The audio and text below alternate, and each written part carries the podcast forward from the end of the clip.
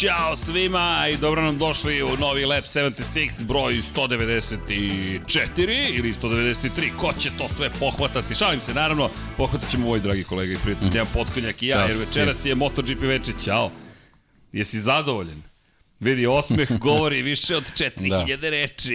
I sinoć Liverpool protiv Manchester Uniteda I Deki je opravdano bio uslovno čeno odsutan. Deki nikad nije odsutan, on je uvijek prisutan, sve prisutan u studiju na kraju univerzuma i nadam se da ste se zabavili, navijači Liverpoola, nadam se da ste uživali, o, navijači Manchestera ne zamerite, ja s tim nemam nikakve veze, meni je samo zabavno da vidim njegov osmeh, s obzirom da je prijatelj u pitanju, ali to tako ponekad ide i Deki, ono je bilo prilično impresivno. Pa da, ponekad to tako ide. Da, ponekada to, to u toliko reči da imam da. potkonjak. Ali da, da, da, dobro, bilo je zaista da, fascinantno pratiti ovako rezultat i pričati o tome, ok, šta se sve ovde događa. No, večeras nećemo pričati o futbolu, pričat ćemo o Moto Grand Prix, ali pre nego što krenemo, ja se nadam da ste dobro. Sreda je veče, 21.00 otprilike, već je 21.04, ne znam da li smo kasnili ili nismo, ali ne postoji kašnjenje, sve to relativno pogotovo sa ove strane univerzuma i naravno mazite se, pazite se i vozite i vodite računa jedni o drugama, na drugim o drugama, dru, o drugama, dobro, o drugima, evo to prvi lapsus za večeras, čekaj deki, kad ćemo ti ja na TikTok, pa ja je zvezda TikToka, Lewis je Hamilton, trenutno... Teorija je potpuno tačna. Veoma velika sličnost postoji između njih dvojice. da. Samo ćemo se ponoviti ako bilo što slično kažemo. Ako bilo što dodamo na tu celu priču. Ali da, naš prijatelj, dragi Pavle Živković, prosto je bio vrlo jasan u, to, u toj kalkulaciji jedan je jedan i to je to. No, Večeras ćemo valjda pričati o nekim drugim stvarima, ne samo o Luisu koji je Hamilton, šalim se, to je juče bilo, nadam se da ste uživali, Deki nije mogo da se pridruži, ali sledeće nedelje, ja ne znam, Zoran Živkov je tamo, Andrej Sakov je, Sakov je tamo, Saković, izvinite, malo od večeras je zabao i koleginici s prodaje me čudno gleda i pita se šta se događa. Ne brinite, niste još zagreo, ćutao sam ceo dan, a to je neprirodno stanje za mene i onda malo dok se zagrejem, to je kao motor, mora da se pripremi. Elem, Andrej Saković je tamo i naravno gospodin Hasan Bratić, tako da Trio Fantastikus je u Imoli, moramo da smislimo i Trio Fantastikus za Moto Grand Prix ili ti moramo da ih sve povedemo na trku Moto Grand Prix da fotografiš, to će tek da bude zabava. A večeras pričamo o Moto Grand Prix zato što stižemo u Evropu, to je stižemo u Portimao, stižemo na, u nastavak zapravo svetskog šampionata, međutim kao da na neki način počinje deki, često pričamo o tome, stižemo u Evropu, otvorili smo sezonu u Kataru, po noći bilo je zaista lepo, moram reći da makar sam ja, moram ti priznati, uživao, zatim smo otišli u Indoneziju, pa posle Indonezije u Argentinu, iz Argentine u Sjedinjene američke države i evo nas najzad na evropskom tlu. Pričali smo o tome da zapravo sezona počinje u Jerez, a u Jerezu, ali ukoliko mogu da se vratim, ukoliko mi sećanje dobro služi, prošle ili pretprošle nedelje ti si rekao čekaj srđane.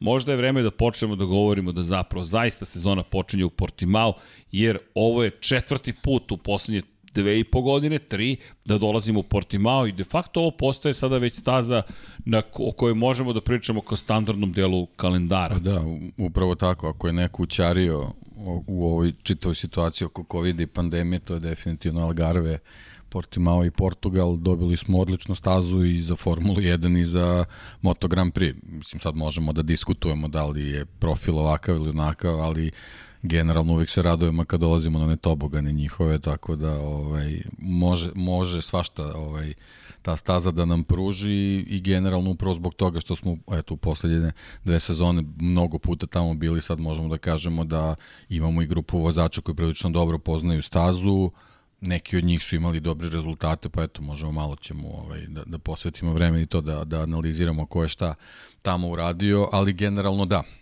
Mislim, eto, ispunili smo kvotu, sad možemo kažemo da imamo jedan pravi svetski šampionat, bili smo onako van Evrope, sad se polako vraćamo, možda Portimao nije baš idealna staza da, da, da ovaj, odmerimo sve snage i da i da, da, da sumiramo utiske, ali generalno upravo zbog toga što smo dosta puta bili na, na, na njoj ovaj, u poslednjim bukvalno nekoliko meseci, eto možemo da kažemo da da će biti prilike eto, da, da, da, da podlačimo neku crtu i, i, i pre te trke, a eto i malo možda da se igramo, da prognoziramo ko bi tu mogao da bude dobar i, i tako dalje. Pa da, to, je, to svodi se praktično na igru, s obzirom na činjenicu da mi ne možemo da pričamo o tome hajde, to Paja kaže, ne volim ove najave, šta da najavimo, ali ne, ne igramo se, igramo se zapravo, ne pričamo o tome da sa sigurnošću znamo šta će se desiti ili neće se desiti, međutim, ono što možemo da pričamo sa sigurnošću, velikom i pouzdanošću, kada je reč o Portugalu, to jeste zapravo o, kakvom, o kakvom tipu staze se radi i kada pričamo o tome šta ova staza donosi,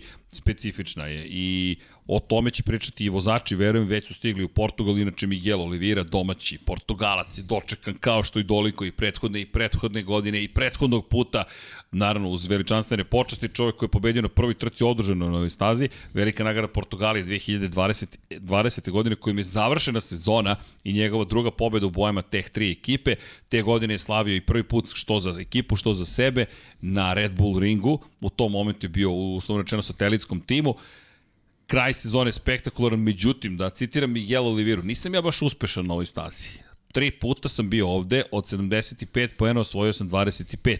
Miguel je imao i pehove, greške tuđi, drugih vozača, svoje greške u prethodno dva pokuše, tako da, iako će biti najveća zvezda, na stazi koja je dugačka 4592 metra, dakle 9 krivina u desno, 6 krivina u levo, pravac dugačak 970 metara, sagrađena pre 14 godina 2008 Miguel Oliveira, spomenjemo ga zahvaljujući činjenici prosto da je čovek od koga, kažem, očekujemo da u Portugalu bude zvezda. Ne bih rekao očekujemo spektakularne rezultate. E sad, samo kratak uvod da kažemo. U šampionatu sveta i naš naslov je privatnik Bastianini, ako smem da te citiram prema što smo počeli, kako si rekao? Zanatlija. za, Zanatlija Bastianini. SZR. SZR, a STR ili SZR, čekaj, SZR.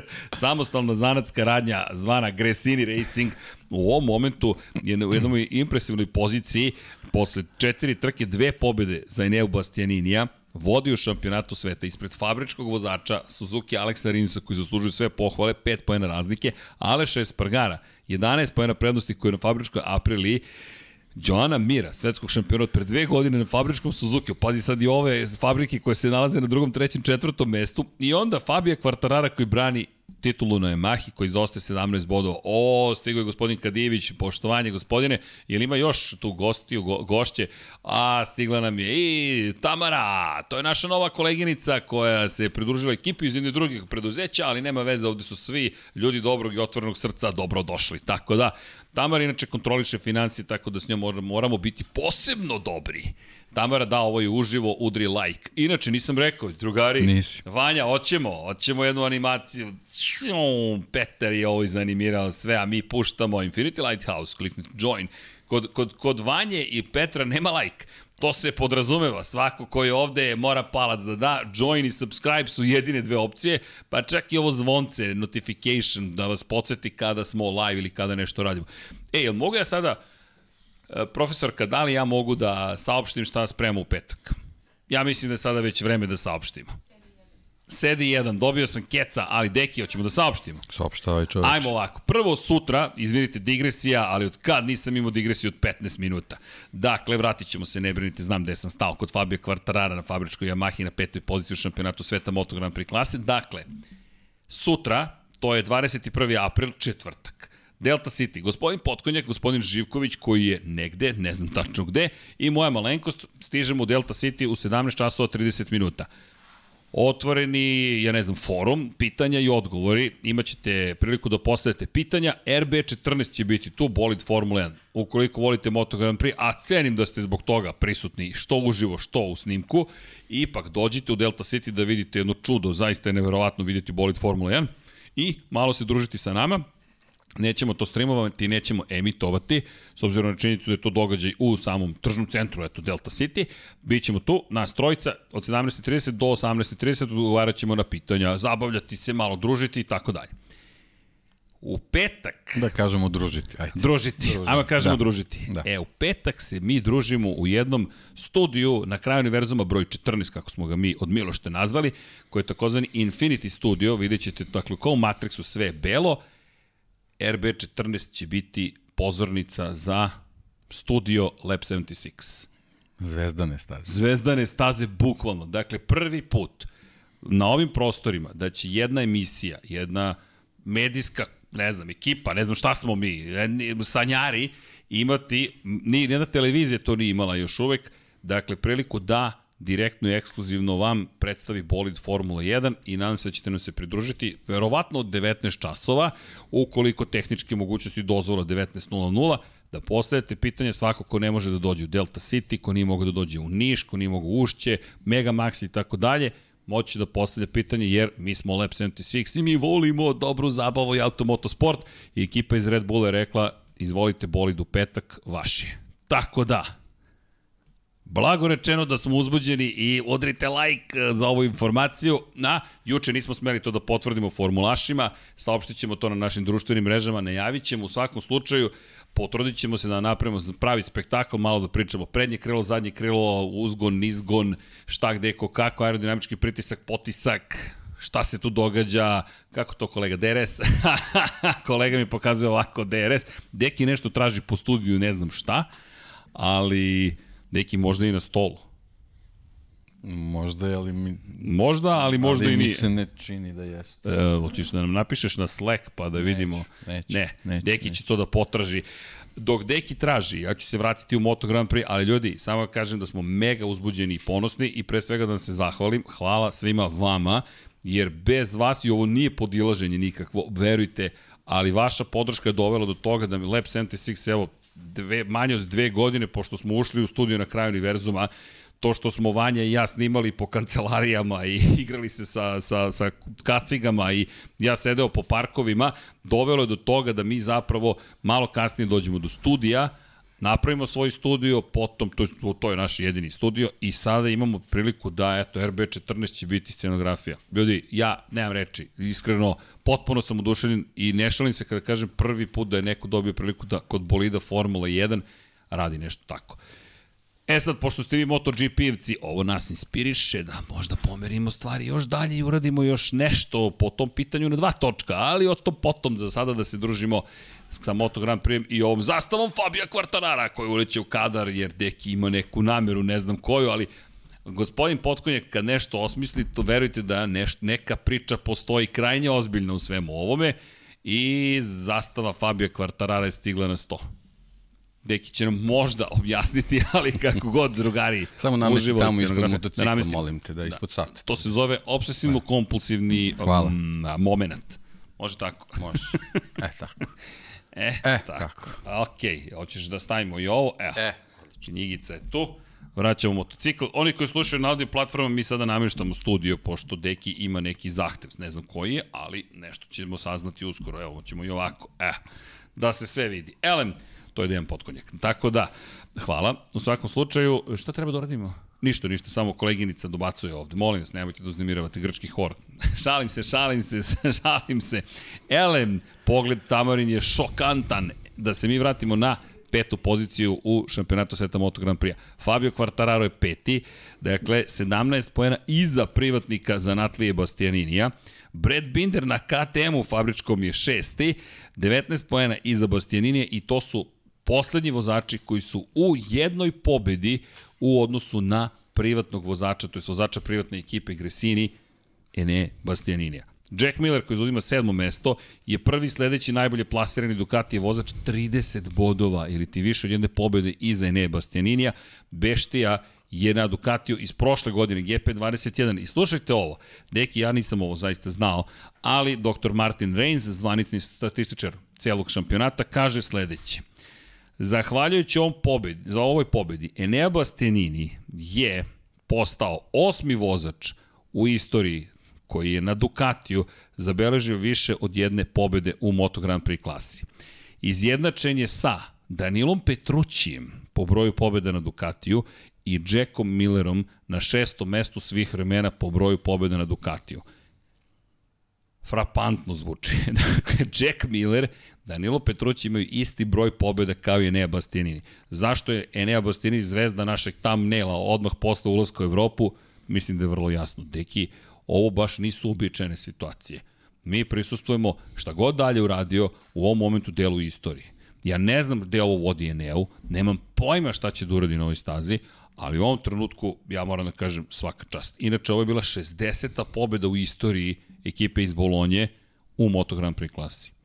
Fascinantno. Jeste. I, i, I način kako stiže do pobeda i, i ovaj generalno to čitavo izdanje ekipe, ekipe Gresini stvarno uliva ovaj, nekako samopouzdanje i njemu očigledno, a sa druge strane mislim da su i oni ovaj, potpuno spremni da, da iznesu ovu situaciju u, u, u ovom trenutku pričali smo već o tome, sezona je suviše duga, moramo pre svega da vidimo koliko ekipa može da drži da, da nosi čitavu priču uh, tako dugo, ali ono kako je kako je ta čitava situacija počela, jednostavno utisak je da su bukvalno spremni da svaku situaciju u kojima se pruži prilika za, za visok plasman, na kraju kraju i pobedu, da su, da su i, i Enea i, i ekipa potpuno spremni da, da, da to izguraju do kraja sad im je, što se tiče ekipe, najvažniji korak da podrže i, i Diđu, da, da se on na neki način ovaj, priključi toj čitavoj priči. On ima stvarno još puno da uči, ali, ali generalno samo je potrebno da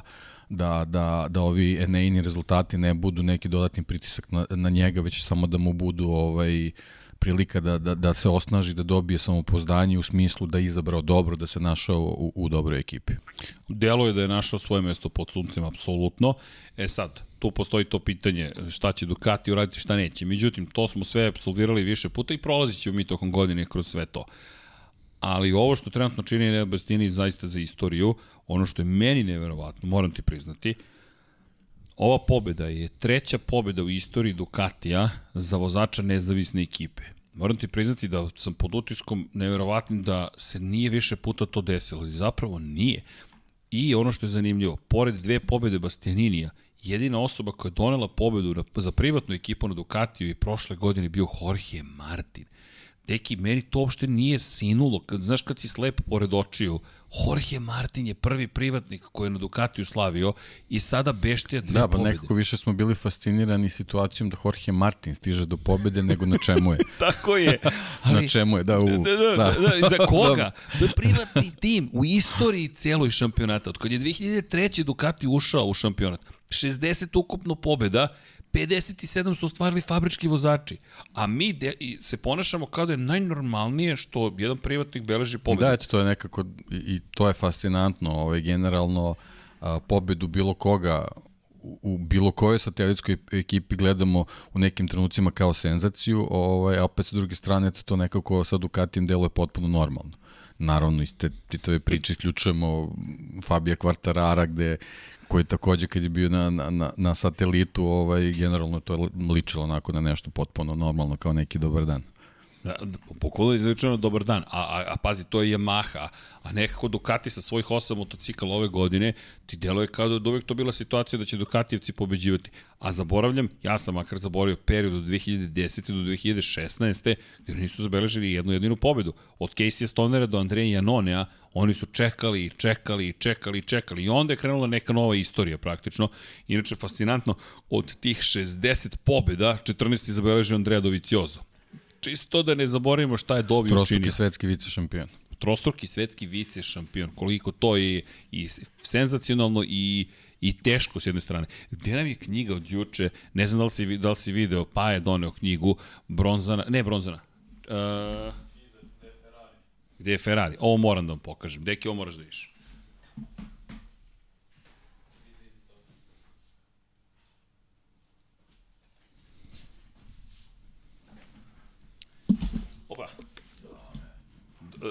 Ducati... Drvena medalja. drvena medalja. Isto sam program, drvena medalja. Biti četvrti. Inače, knjiga koju smo dobili na poklon izašla je i poklon je Paja doneo. Predrag Bajić je napisao zajedno sa studentima i fascinantno je. Na olimpijskim igrama biti četvrti, potpuno ste zaboravljeni, jedna gotovo surova sudbina, a kada pogledate doći do olimpijskih igara je neverovatan poduhvat, biti četvrti je neverovatno, međutim niko vas ne pamti. To je kao da ste kažnjeni. Bolje biti peti. Peti sam. Nisam ni blizu te medalje, ovo četvrti baš surovo. I sad kada si izgovorio trostruki vice šampion, toliko puta si tako blizu, a čovjek se sad vratio ove sezone, nije mi, nije, ovo su prosto priče, ovo je Lab 76, i onda se setim da Andredović Joze 14 pobjeda ima na Ducatiju i trenutno je ga ni ne vidimo u kadru. Režija ga se seti otprilike kao za dan bezbednosti.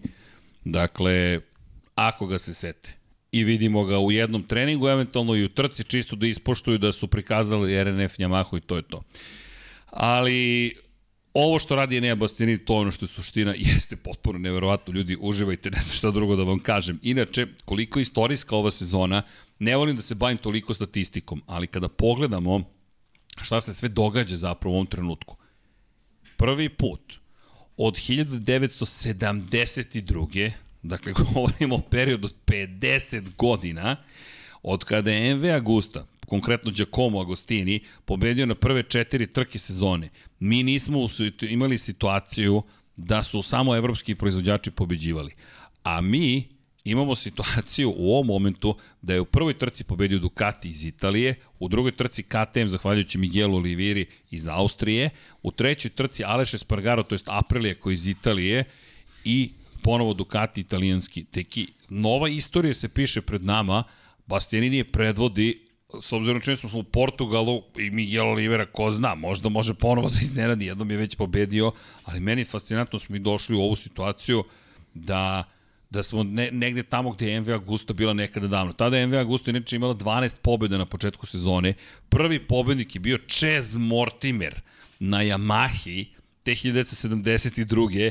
i to u 13. trci sezone, a inače ono što je zanimljivo za Čez, za Yamahu, To je prva pobeda u istoriji Yamahe, Chaz Mortimer 1972. godine. Potpuno nevjerovatno, gde smo se mi vratili.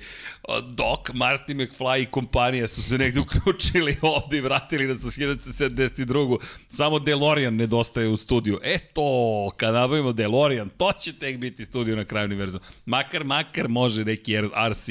Ali neki, sve ovo gledam i razmišljam čoveče, neverovatno čemu mi prisustujemo. Zato mi je fascinantno pa, da, ovaj, ono, koristimo termin zbog Portima, koristimo ter, termin ono, roller coaster, ali to je generalno, ova sezona je takva, je sad, nažalost, moramo kažemo, Yamaha i Honda su generalno krivi za, za tu čitavu situaciju da. i, i, i na njima je da, da, da, ovaj, da izvuku stvar, pošto definitivno se vidi da pričat ćemo njima imaju imaju vozača koji mogu da imaju. da iznesu ovaj tu priču zašto nisu svi upravo je to ovaj situacija sa Yamahom i Hondom i to je ono što moraju da da poprave pod hitno. Da, inače ova staza, počeli smo i priču o njoj, po čemu je specifična.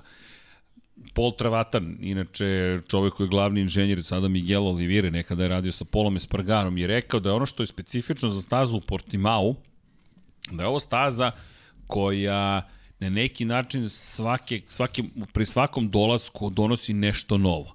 I rekao je za većinu staza dođemo, posle nekoliko časova već vozači tačno znaju gde, šta, kada i kako treba da rade.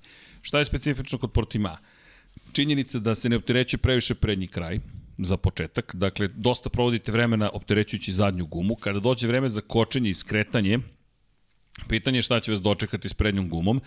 E, i sad šta još tu ima? Prevoj nisu planinski prevoji, ali su trkački prevoji. Dakle, vi dođete na vrh brda i onda se sjurite niz brdo i imate još jednu situaciju, a to je veliki broj različitih putanja koje možete da koristite na stazi podjednako uspešno. Dakle, ušli usko, ušli široko, vi na kraju imate isti rezultat. I kaže Trevatan, ono što mi sada uočavamo je da mi nemamo pojma šta će se desiti tokom trkačkog vikenda. Pri čemu u samoj trci je rekao, vozač pomisli kako je pretekao nekoga, da bi mu se ovaj pojavio pored njega, ispred njega. I veliki broj tih takozvanih slepih krivina, gde vi ne vidite gde idete, stvara situaciju u kojoj je osjećaj još važniji od toga da gledate markere sa, sa, sa pokraj staze. To je baš rekao Miguel Olivira. Šta sve to donosi? Jednu nepredvidivu trku. Nemoguće je prognozirati ko će da pobedi. Apropo Ducatija, prošle godine, kraj sezone, je pripao Ducatiju. Dakle, Francesco Banja je pobedio ovde, dve i po sekunde ispred Joana Mira. Baš je bio onako impresivan. Jack Miller je bio na poziciji broj 3 i to je bila odlična bitka. Inače, Alex Marquez je bio četvrti. To smo, eto, zaboravili neko kada pričamo o Marquezu. To je jedna od redkih dobrih trka prošle sezone. Ako se vratimo unazad, ko je pobeđivao na velikoj nagradi Portugala u poslednje vreme? Fabio Quartararo na Yamahi, Miguel Oliveira na KTM-u. I to je to što se tiče Algarvea. Dakle, imamo Ducati. Da, nemamo neki veliki uzorak. Ali pazi, tri različita proizvođača u tri da. trke, tri različita vozača, Estoril da ne spomenjemo. To je neka druga staza, neko drugo vreme. Poslednji pobednik u Estoril 2012. Casey Stoner na, na Hondi, dvostruki šampion sveta, legendarni Casey Stoner. Ali Estoril baš bio drugačiji. I kako, kako glasi najava? Ljudi, ovo će biti još spektakularnije. Mi nemamo tek sada predstavu ko će se ovde snaći. istorija, međutim, šta bih rekao da nam možda negde daje kao informaciju. GP21 je ovde pobedio. I to dominantno. Ko je na GP-u 21? Enea Bastianini. I jedini ne Novajlija na GP-u 21. Da, i Marko Beceki je na GP-u 21. I na GP-u 21 je još jedan od Novajlija Fabio Diđan Antonio. Međutim, ovo je prilika, rekao bih, za Eneo da bude još impresivniji. A šta to dobijamo? Ja znam šta su. To su deki ulaznice od prošle godine. Ja, to su ulaznice. Luka nam je bio... Kako je u Portimao, Luka? Vrhunski. U toliko reči. Evo je ulaznica. Dakle, malo je korišćena, ali sada ne može biti upotrebljena. I gde ste sedeli, Luka? Startno ciljni. Dobro. Prva i druga krivina, dakle, kako dolaze ka vama. Lepa, lepka. I atmosfera? Ja, lako. Šta god to značilo. ali dobro, lepi je to bio provod, deloj mi. S kim ste bili, Luka? Sa sestrom. Tako da, molim vas, porodični skup, familija ide i to, to je poziv da svi odete. Ali, da se vratimo na stazu. Staza, deki, baš nam ne daje odgovore. Ja jedino što gledam jeste taj banjajin uspeh na kraju sezone i činjenica da će Neja imati dobre podatke.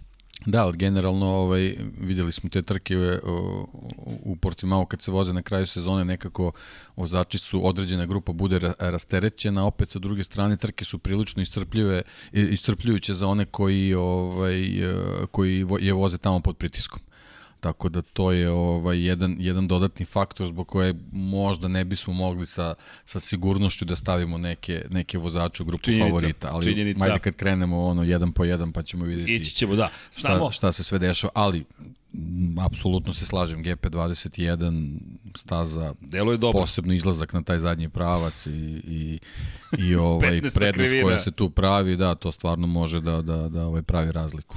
Dodao bih još jedan faktor trenutno najave meteorologa govore u prilog tome da će u petak padati kiša. To je još jedan faktor. I u subotu da. padati kiša, a u nedelju neće. I koji je generalno neizbežan. Algarve, vetar, kiša, generalno Portugal, mislim, Portugal. Ko, je, ko je bio tamo vrlo dobro zna kakva situacija. Uvijek vetar, uvijek kiša. Kabanica šorc, to je, to je obavezna kombinacija. Da. Ovo je sjajna Neki majica, kabanica šorc. Nešto, da. ne, ne, ali Deki ima najbolju, majicu, najbolju majicu svih vremena. Luka i ja se vozimo, idemo na Čikadača stadion i pričamo deki u muku koji je Jimmy imao sa Vukovima protiv Wild Borsa, a to je rezultat 35-14 na polu vremenu. I deki kaže, to je najopasniji rezultat. I Luka i ja popadamo, naravno, ispadnemo iz automobila, ali najopasniji rezultat, majice 35-14 je najopasniji rezultat. I tako, tako da, da, da, ovo može biti vrlo, uz, vrlo ne, uzbudljivo, e, kada bismo rekli. I uh, Deki šta hoće da kaže? Aha, sad sam shvatio sa, sa zastavom. A, Deki, pa, pa kad dva, je tako? Dva, dva bitna datuma. Dva bitna. U stvari, datuma. jedan datum, ali dve, dve bitne dve bitne stvari. stvari. Da. Na današnji dan prvo smo izgubili da Gira Kata. Jeste. To je ono što, što je ovaj, jako, jako važno generalno za Moto Grand Prix svet i, i, i ovaj, generalno uvek treba koristiti priliku i, i setiti se eto, momka koji je tragično nastradao na, na, na današnji Jeste. dan na stazi Suzuka, a druga lepa stvar je danas je rođendan Fabio Quartararo. Čovjek koji nosi broj 20 jednostavno je zaslužio da ga, da ga na, na 20 ispomenemo. Fabio rođen 1999. godine, Kato nažalost premirao 2003. godine, stazi Suzuka, koja od tog momenta više nije bila na kalendaru svetskog šampionata u motociklizmu. Daijiro inače rođen 1976. godine, čisto da znate, 4. Da. jula. I danas mi je Srđan Petković pozdrav za imenjaka pisao i kaže nikad ga nisam gledao, ne znam koliko je bio dobar. Rekao, da ti ne, da, nisam odgovorio tako, ali ću mu odgovoriti, pogledaj. Jer to je jedino što mogu da vam kažem. Da je Giro Kato, prva trka u karijeri, suze vam krenu uvek kada pričate da je Giro Kato, ne samo zato kako je vozio i kako se završio njegov život, već treća pozicija, prva trka u karijeri u 250 kubika na Hondi u Suzuki, 1996. 97. pobeda u Japanu, inače to su bili jedini njegovi nastupi tih sezona. Zatim, naredne godine 1998. pobeda u Japanu, jedini nastup. Zatim je peti bio 99. Čak mislim da je padala kiša ili tako nešto. I onda ulazi u šampionat sveta. Biću brz. Nažalost, premalo je trka bilo u njegovoj karijeri. Drugi, treći, prvi, drugi, šesti, treći, četvrti, osmi, deseti, četvrti, šesti, prvi, peti, prvi, prvi, treći, treći u šampionatu sveta na kraju. A onda kreće. Prvi, prvi, prvi, prvi, deseti incident, prvi, jedanesti, prvi, drugi, treći, prvi, prvi, incident, prvi, prvi, prvi. Šampion sveta u 250 kubika. Ako niste gledali da je Girakata i mislite da je Jorge Lorenzo precizan, silno grešite. To je sve što ćemo reći. Max Bjađi i Jorge Lorenzo izgledaju kao, neću reći amateri, ali kao da su na nestabilnim motociklima. Ja preciznijeg vozača u životu video nisam. Inače, čovek koji je bio predodređen da pokuša da sa trona svrgne velikog kralja u to vreme Valentina Rosija, prešao naredne godine u Moto Grand Prix, puno padova, grešaka, svega je tu bilo, međutim, to je bila debitanska sezona, svi smo čekali u drugoj sezoni veliki da je Giro da pokaže zašto je veliki da je Giro. Nažalost, prva trka godine je bila i poslednja njegova trka. Inače, čuvanje bio i po tome što je na Hondi pobedi, pobeđivo Aprilije i još jedna bitna stvar, da je Giro je volio da spava pre trke ili pre treninga. Ja se sad ne šalim, ne zamerite, ovako je bukvalno izgledao da je Giro to su kam, to, to kamere beleže, dakle njemu pripremaju motocikl u garaži, on ovako. Sedne na motor i bude prvi. Ljudi, tako on rešavao svoje pitanje stresa, inače izgledao kao da je izašao iz nekog anime filma, kao da je pravi superheroj japanski, baš stereotipna cela situacija, plava kosa, jedan onako super junak i nažalost izgubili smo ga u jednoj velikoj nesreći. Posle toga došli do raznih revizije kada je reč o bezbednosti, ali svakako Suzuka je skinuta sa, sa iz šampionata. Ali eto, pamtimo da je Gira i inspirisao je mnoge, njegov broj je postao kultni broj, Sete Gibernau je, zahvaljujući Daijiru, rekao bih, i postao potencijalni šampion sveta. Sete nikad nije prevazišao do tog momenta tu barijeru da napada van Španije, kada je preminuo Daijiru, inače u bojama Gresini Racinga, za koji vozi Enea Bastianini, došao je do toga da je Gibernau počeo da pobeđuje i pokazuje na 74 i ovako na nebo i u početku to svima bilo simpatično, čak i Rosiju, posle druge pobede, treće pobede prestalo da bude simpatično, onda su postali neprijatelji, ali čak i Rossi rekao, neverovatno je kako je kao da Dajđiro vozi sa Gibernau. Da, da, kao, kao da, da je Dajđiro duh ušao u Gibernau, da su njih dvojica u stvari udružili snage Jest. da, da se bore te sezone. I rekao je, Gibernau agresivnost, preciznost Dajđira Kata. Zastrašujući, zastrašujući koncept a par godina ranije rodio se Fabio Quartararo koji je to postao svetski šampion. Fabio danas ima 23 godine, nažalost kada je preminuo, kada je izgubio život da je Giro imao nepunih 27 godina, to je 26 godina. Pre, pre, pre, pre, pre mlad, ali eto, pamtimo da je Gira Kata i da, pozdrav za Srkija, hvala Dekiju kao i uvek koji vodi računa pre svega o nežnosti i bodite nežni jedni prema drugima i vodite računa jedni drugima, to je neka poruka koju uvek volimo da imamo. Ponekad malo zaborimo, toliko uletimo i mi u kolotečinu. A, trka, staza, ko gde, šta, kako. Ne, ne, ne. Kočnica, prvo ljudi, pa sve onda ostalo, sve ostalo je manje važno. Prvo, pre svega ljudi, a ostalo ćemo nekako da organizujemo, tako da, hvala Deki, kao i uvek. Hvala tebi. Kao, znaš ti, ja, šta mi se sad javilo? Ne, posle ćemo posle ćemo, deki, imam neku ideju, ali čak i ja sam sad spreman da se zaustavim i da te ne stavim pred svršen čin u sred emisije. Elem, da se mi... Nema na čemu. Ali da, ovde se ovde koleginici iz prodaje se nešto doba, dobacuje, ali koleginici počnemo da razgovaramo kad stignemo do fantazije da imamo gde ste vi u ovom momentu, iako ste 63. u Formuli 1. Ali dobro. Elem, ovde se zabavljaju na moj račun. Gifovali su me, dobro. Idemo mi dalje, da se mi vratimo nazad na stazu. Fabio Quartararo, kada si ga već spomenuo. Ok, pobedio je ovde.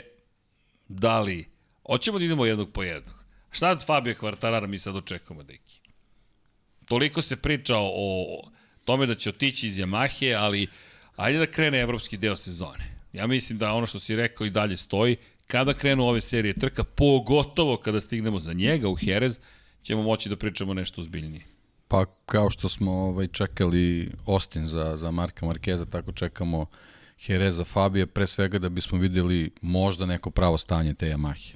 Da vidimo stvarno ovaj, gde se nalaze, ali, ali generalno njegova, njegova izdanja pokazuje stvarno da on i dalje u, u izuzetnoj formi, da je, da je čovek koji, koji neverovatno prilagođava svoj stil situaciji na stazi, tako da mislim da, da nema, nema nikakvog razloga da ga i ovoga puta ne računamo ovaj, u grupu vozača kojeg možemo videti u neko, na nekom visokom na nekoj visokoj poziciji tako da mislim da, da na njega uvek moramo da računamo a posebno ovaj što je što je Portimao upravo takva staza kako si kako si kako si opisao kao kao pre svega nepredvidiva zbog toga što može više putanja da se bira i uh, ja bih samo ponovio u stvari dodao da jednostavno ovaj može može da bude prilično zahtevna za sve sve vozače upravo zbog toga što nijednog trenutka nisi siguran uh, da li si ostvario prednost, da li si uspeo da, da se odvojiš od pratilaca i tako dalje, a mislim da da Fabio takva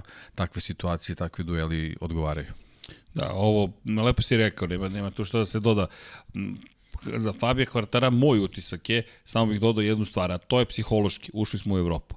I sad, Yamaha mislim da će biti pod ogromnim pritiskom u kontekstu toga da svaka trka sada je brojač u smislu da li je bilo dovoljno dobro, da li je bilo dovoljno dobro, da li je bilo dovoljno dobro.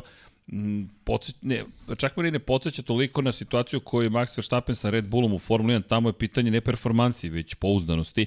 Ovde on imaju problem s performansama. Džaba pouzdanost kad ti nemaš performanse i mislim da Yamaha se opet, na, da se zapravo prvi put nalazi u ovoj situaciji. Ako se vratimo malo kroz istoriju, ni Jorge Lorenzo ni Valentino Rossi kada su imali probleme nisu pričali o tome da će otići zbog toga već da će otići zato što Lorenzo otišao zato što smatra da ga ne poštuje dovoljno Yamaha. Rossi je ostajao s nadom da će se nešto promeniti, a i budimo realni, dve fabrike koje su mogle da ga angažuju, tamo su bila zatvorena vrata. Finansijski, o tome stalno pričamo. Fabrički tim Ducatija više ga ne bi angažovao, HRC svakako ga ne bi angažovao i manje više sve primetbe koje Rossi imao su nisu imale toliko snagu koliko prethodnih godina. Šta je, šta je mogo da uradi? Da ode, Da li bi ih to potreslo u tom trenutku? Pa ne, osim iz perspektive financija, koliko god velika ikona bio. Sada, međutim, Yamaha je u situaciji da drugi vozač Franco Morbidelli se ne snalazi, da treći vozač Andrea Dovizioso se ne snalazi i imaju Novajliju Derina Binder od koga ne očekujemo previše. Ko ti je ostao? Samo isključivo Fabio Quartararo. I ako sada bude loša Yamaha, a pazi, samo je po kiši funkcionisala ove godine, i ako i Herezu bude loša, kao što si rekao, to je kritična trka, do Lemana šta onda? A to je njegova domaća trka. Leman je mnogo bitan za Fabio Quartarara. Pitanje je svakako i za Mahu, ali pitanje i iz te perspektive ide na domaću teritoriju i bit će publike ove godine koje očekuje da se on bori za pobedu. Ukoliko on bude se borio za šesto mesto, da li to znači da će odzvoniti zapravo toj saradnji?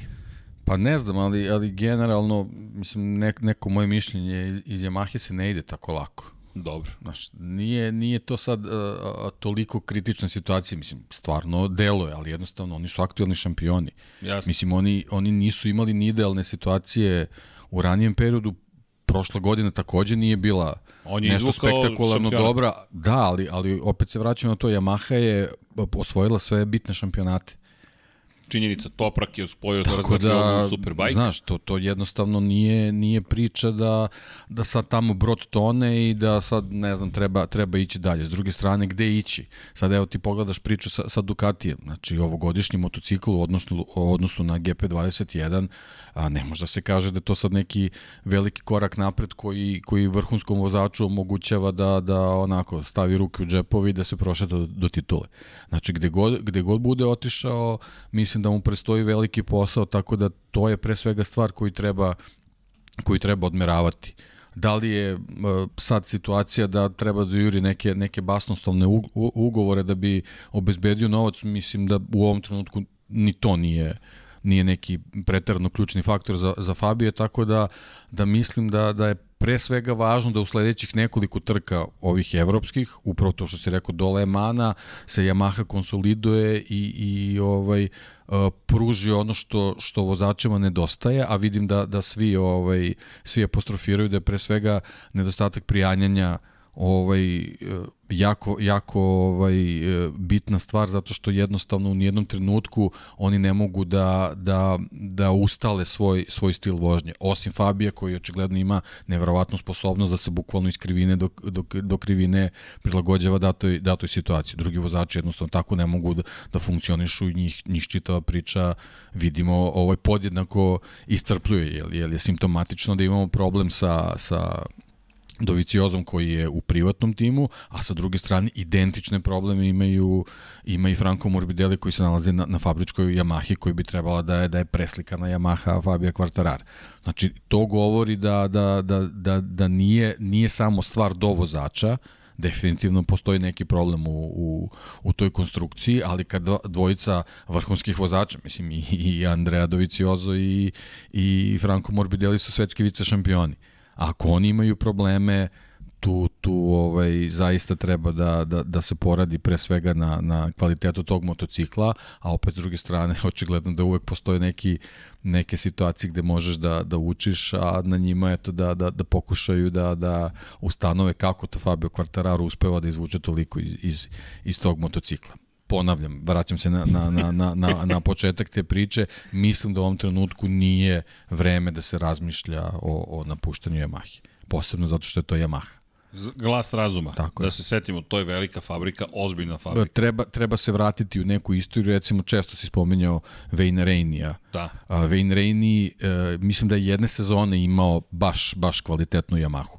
O, o, sve, sve, druge, sve druge godine bile su prilično velika borba. Tako da to je jednostavno neki stil uh, uz ovaj grip koji su koji su vozači spominjali uh, naravno da je da je veliki veliki minus ovaj snaga tog motocikla da li će to moći tokom sezone da se da se ispravi plašim se da ne može baš u nekom, nekom velikom procentu i ovo mi liči na onu, na onu priču nedostatka koje Suzuki imao. Ali sa takvim Suzukijem Joan Mir je bio svetski šampion. Pa i tako prošle da, godine je bio drugi ovde sa je, još lošim Suzuki. Mislim, on je sa, sa inferiornim Suzukijem prošle godine, videli smo na pravcu, odnosno GP21, on je završio treći u šampionatu. A ako gledamo kvalitete Fabio Quartarara, ipak bi ga stavio za korak više u odnosu na Joana Mira. Apsolutno. Mislim tako da je to da, jednoglasno tako svi, da, svi u studiju. Tako da nije, tako nije vreme da, da se razmišlja o odlasku iz Yamaha. Dakle, ovo je sada moment kada treba sesti i reći, ok, šta ćemo, kako ćemo ovo da tako da sredimo zapravo tako je. na sledeću godinu. A Fabio zapravo i time, hvala, za povratak u stvarnost bi mogao da kaže, ok, ovo je definitivno moja fabrika, moj tim, šta god drugi radili, ovo je moje. U smislu, ja uspostavljam sada svaku vrstu kontrole nad ekipom, jer konačno spasilac, ostao sam veran u momentu kada je burno vreme, ja makar tako posmatram sada kada ovo saopštavaš, ej, ostajem sa vama, vi ste bili uz mene ili kako god, koji god da je rezon, i ostajemo A, moji uslovi su ti i ti. Verovatno su vezani za, za takmičenje.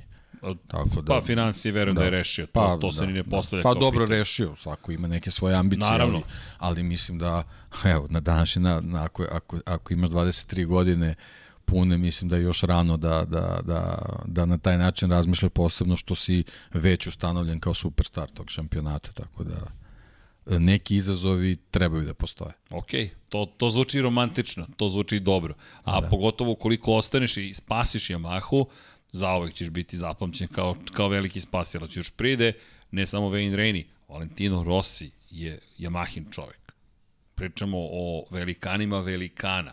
Wayne Rainey, Valentino Rossi, da, i Jorge Lorenzo je u toj grupi, to su sve veliki šampioni, veliki vozači i onda se pojavljaš ti kao Fabio Quartararo u toj bogatoj istoriji. Da, Ken... i već je šampion. Pa da, Kenny Roberts je šampion Yamahe. O čemu pričamo? I, i uz dužno poštovanje prema Kenny Robertsu mlađem, Kenny Roberts, kralj Kenny je legenda Yamahe, tačka, a ti si deo te priče. Ok, ima pa, Agostini zašto se je... uhvati. Prvi šampion Yamahe. Mislim, ako, ako krećemo da, da nabrajamo. Ako krećemo, tako je, Giacomo tako Agostini. Da. Veliki... Ili tom nekom zidu Ago. u fabrici ti stojiš zajedno s njima, tako da nije, mislim da nije, nije ovo trenutak ni, za sad neku, neki preterani alarma, posebno ne za, za neko durenje i razmišljanje kao je vidjet ćete vi sad, idem ja i to. Dobro, mislim, da smanjim da, doživlje. Da, da. Pa dobro, nema veze, mislim, treba malo podgrevati atmosferu, malo. ali... Dobro, ja sam malo ono, hepo kocki počeo da bacujem već u kaljevu peć, da. ajmo, da. gori, bva, vatra. Da. Kažem, mislim, mislim da je on, da je on takav, takvu kova, takav je kalibar, da, da i on voli izazove, nije to sad samo ono, kao predajem se zato što, zato što ništa nije savršeno. Mislim da... Pa ne liči na njega. On, pa to smo on je videli, fighter, on je Izvini, to smo videli protiv Marka Markeza da. u Koti Jednostavno kad je Marquez naišao sa Hondom, a ne. Ne, neka otpadnu točkovi. Ne Tako ideš. Je. Ne Tako ideš je. od mene i to je to je taj I duh. To isto čekamo u Portimao. Tako. I, I od njega i od Marka Markeza. Znači boljka je taj, taj pravac, definitivno, ali mislim da da on zna kako se izlazi iz krivine i kako se, kako se namešta, ta, kako se ulazi u prvu, prvu i kako se nameštaš na, na pravcu za tu prvu krivinu. Tako Treća da... krivina takođe. Zašto? Imate dug period kada vozite na desnoj strani pneumatika, o tome stalno pričamo kad stignemo u Algarve, i vozite, i vozite, i vozite, onda ste stuštite niz taj tobogan, kako si ga predivno nazvao, na startno ciljni pravac kroz krivinu 15 i sjurite se, onda se spustite još jednom u krivinu broj 1, pa kočite u krivini broj 2 i onda tek dolazite na usponu u krivinu broj 3 koja je na levoj strani, koja je ulevo i obarate motocikl na levu stranu pneumatika. Hladna, ne ledena će biti prednja guma, ali postoji tu još problema ne samo što će ta strana da bude hladna, već imate situaciju u kojoj, sa čim su se mučili u Americi, sa, u Yamahi, i ne samo u Yamahi, pregrevanje prednjeg pneumatika kada su u gužvi. I to je sada pitanje kako će podešavati motocikl. Ako pratiš nekoga jedno podešanje, ako vodiš drugo podešavanje. Yamaha trenutno ne deluje baš kao motocikl koji u kvalifikacijama može na pol poziciju. I mislim da će tu natražiti neku vrstu rešenja. A dodatni problem, pošto mi dalje stoji najava subote kiše su, tako je. Fabio i Kiša, mada. Mada, ove godine, pazi, da, Indonezija je bila... Ko zna? Bila ovaj, potpuno nešto suprotno od onoga kiši. što smo očekivali. da, da, da. Znaš, možda se nadaju. Mada kiša, kiša, ne, ja ne verujem tamo može čitav dan da bude kiša, ali generalno dovoljno da, da poremeti te, te kvalifikacije i da imamo potpuno neki čudan raspored na startu trke mi kada pričamo o kiši, ajde, samo da spomenemo, Miguel Oliveira je pobedio u Indoneziji po kiši, tako da verujem da će, kažem, zato Portugalci možda se tome nadati. Ali, ali, ali. Druga velika zvezda, Mark Marquez, posle onog neverovatnog nastupa u Americi, mnogo ljudi ovih dana, navijača, ljubitelja Moto Grand Prix me pita hoće li Mark Marquez pobediti u Portimao? Moj odgovor je, mislim da neće. Dakle, zaista mislim da neće. Ljudi, jednostavno je Dakle, inače, pozdrav svima. Ovih dana baš smo se družili zahvaljujući eto, RBO 14, pa smo snimali priliku uživo da se vidimo. Zašto? Ovo nije ta staza. Ovo je drugačija staza. I ovo je staza koja mnogo će opterećivati desnu ruku. Dakle, malo pre smo pričali o tim krivinama u desno, samo zamislite čoveka koji je ponovo prestao sa svojim treninzima, vratio se na stazu, da, bit će u boljoj formi nego što je bio u Americi, ali koji opet mora sve te probleme da prevazilazi i pokuša da nešto učini na stazi na kojoj nije se proslavio ni prošle godine kada se vratio. Da, bio je u ozbiljnim problemima. Tako da mislim da može da se bori za plasman među vodećih pet, uz neku sreću možda i na pobedničko postolje, ipak je to Mark Marquez. Ono što mogu da kažem, ja sam Deki ovo 100% siguran. On će dati sve od sebe. Pa on generalno daje sve o sebe. Mislim, prošli put smo, mislim da nismo ispomenuli, skoro sam zaboravio, ovaj, oni su angažovali u njegovom timu o, fizioterapeuta španske teniske reprezentacije čoveka koji se bavio oporavkom Rafaela Nadala. A, pošto su ustanovili da, da generalno ljudi koji se bave njegovim oporavkom nemaju toliko iskustva sa, sa povredama vezanim za probleme koje on ima u toj desnoj ruci i, i angažali su čoveka koji se bavi lečenjem tenisera od pre svega teniskih povreda koji su, koji su prilično sli, slično nekoj rehabilitaciji kao ono, ono što je potrebno Marku Markezu, tako da oni zaista maksimum ulažu u taj njegov oporavak, a, a meni onako indikativan detalj je da je Mark Marquez od, od trenutka uh, kad su se desile te povrede kad je krenuo u oporavak, ja mislim da je najviše krugova izvezao upravo Portimao iz razloga, na kraju kraja vratio se Jeste. vratio se u, u, u Portimao na, na, na stazu zvanično, a, a i pre toga je, je trenirao tamo, tako da upravo je to možda razlog ono što si naveo, staza dosta opterećuje desnu stranu i ja verujem da je ona izabrana baš zbog toga da su u određenim trenucima vidi koliko je, koliko je u stvari spreman, tako da svi ti silni krugovi na toj stazi mislim da će mu ovde biti dobar adut, E sad, da li, da li je ovaj kadar za pobedu upravo to što si rekao ako tu bude mnogo duela koje koje očekujemo a staza koja baš ne i ne ne pruža priliku za odmor mislim da će u nekoj završnoj fazi trke ako ako ako bude uopšte situacija da se bori za visok plasman mislim da ćemo tu tu će ući u mali problem. Znaš koja misli da će im svima napraviti problem? Svima a prosto Alex Rins i John Mir. Alex Rins i John Mir Oba Suzuki vozača. Rins je trenutno u fantastičnoj formi, drugi u šampionatu sveta. Delo je da će mu ova staza odgovarati. Pa ako neka staza njima treba da odgovara, to je. To je ova. Znači promene nadmorske visine, uglovi skretanja, Svega različite ima. krivine, apsolutno Pravac. sve, apsolutno sve. sve. Da, pravac više nije problem za Ne. njih. To je to. Pet da. pojena za ostatka, bio si sedmi, bio si peti, bio si treći, bio si drugi. Alex Urinsu je potrebna pobeda i deluje vrlo samouvereno. To je ono što je pozitivno. A s druge strane, Joan Mir, šesti, šesti, četvrti, četvrti. Tipična da. Mirova sezona. Jurinsu, da, mislim, treba mu pobedu, ali mislim da mu pre svega treba da nastavi ovaj kontinuitet. Slažem se. Pobeda će doći, ali samo bitno da, da nastavi da bude tu i da ne bude nestrpljiv. Mislim, on pobede ima. Da, O, tako I da ne deluje nije- nestrpljivo. Nije problem. Da, da, da. Delo je, delo je baš smireno onako i, i, i, i vedrije i optimističkije nego, nego što je bio u prethodnim godinama, tako da mislim da, da da Samo možemo da možemo da ga računamo za visok plasman, a pobeda ako dođe neće biti nikakvo iznenađenje. Ni njegovo, ni, ni, ni Mirova. Ovo bi deluje kao mesto pre nego Jerez gde bi mogli da se bore za to. Iskreno u Jerezu nisam siguran. Znaš kako kaže onaj politički slogan? Da. Mir, stabilnost, rins. Opa! Dejan Potkonjak, dropping bombs, špom. to sam pročitao negde jednom od komentara i smejao sam se pola sata, ali je fenomenalno.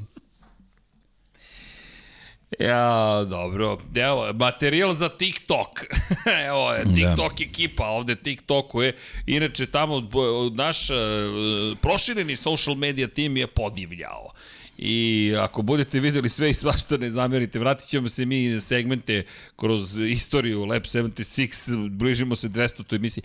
Danas moram ti reki, reći, de, reći, reki deki. Reki deki. Reki deki, nije raki Reci deki. deki. raki deki, reki deki. Ći, ći. E, re, reći ću ti deki. A to je sledeća situacija.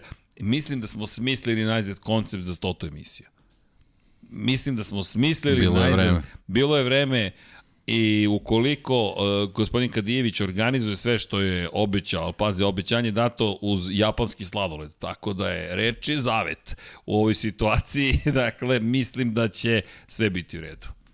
Je Boris Trutin preporučio da idemo na japanski sladoled, veliki ljubitelj delikatesa tog tipa. Pozdrav za gospodina penzionera, da, tako da nadam se da tu negde sa nama. Elem, stiže iz totka, 200 smo već imali, to stalno Vanja podsjeća, man čovječ, imali ste 200 to je bila pajna 200 trka u karijeri Formula 1. ok, tako da, da pa ima preko 200 trka Formula 1, potpuno ludilo, ali ok. I, i uskoro će imati 200 podcasta. Elem, pa ko zna, možda ih ima uz, uz podkapicom, podkapicom.com, pratite Waterpolo. Boga mi da, to sam nakupilo se toga. Ej, ima ozbiljno. Impozantno, da. Impozantno, jeste. Još knjigom da zaokruži. I idemo, de Pavle Živković, ako gledaš udari like, možeš i subscribe, ako već nisi, zašto nisi, i tako dalje. Ali da, da znao sam da ćeš to odeš na knjigu, pazi kad se ovo je bilo jasno, pa ako se knjiga otvorila iznad tebe. Moramo Petru da kažemo da nam napravite 3D modele. Knjiga, škam. Ne može sad da ima neke obaveze, dobro. Moram ja da napišem, šta? Kak nije? Pa, da se po, sve rečeno. I u toliko reči je, idemo dalje. A, tako da ja mislim Suzukijevci da mogu tu da pokvare svima zabavu. Ali, da bi kompleksnost bila potpuna, preskočit ću Aleša Espargara samo na delić sekunde, mada mislim da će ovde Aprilia biti opasna, jer ovo, ova staza dosta aktivira zadnji kraj, a Aprilia je pokazala da to pa dobro, April je funkcioniše. generalno ovde je bilo dobro. Jeste. Prva, prva trka koju su obojica vozača osvojili bodove bio upravo Portimao. Jedini Aleš i problem... Savadori. Da, Lorenzo da. Savadori popularni Sava, ali jedini problem, deki, usponi padovi, nije ravno. Za Vinjalesa, Pa, za dobro, Maverika da, Vinjalesa to ne ide. I znaš koja je možda veza? Top Gun, Maverick, možda mu treba pista stvarno. Možda. Jesi ti gledao Top Gun, Vanja? E, to su davno zaboravljene, da. davno zaboravljeni momenti. Ali Da, dobro. više bi volao da mu neki dogfight odgovara. To mu treba za ovu To stazu. mu treba. To za ovu stazu treba. Pa da, pa čekaj, kako se zove onaj na početku što je Cougar? Cougar je odustao od Top Guna. Više kao Cougar nego što je Maverick. Ali da je Viper, ko bi bio Viper u, ovom, u ovoj konstelaciji stvari? Pa Marquez mi deluje kao Viper. Pa i odgovara Nadija. Odgovara. A ko je Iceman? Jean Zarko. Joan Mir. John Mir, ne, da. Samo lagano, samo lagano. Ali dobro, da se mi vratimo ozbiljnim temama. Zako Suzukijevci da, mi deluju opasno, Aprilija mislim da će biti zaista dobra, ali ono što mislim da mora da se desi, Jack Miller, to jest Francesco Peko Banjaja.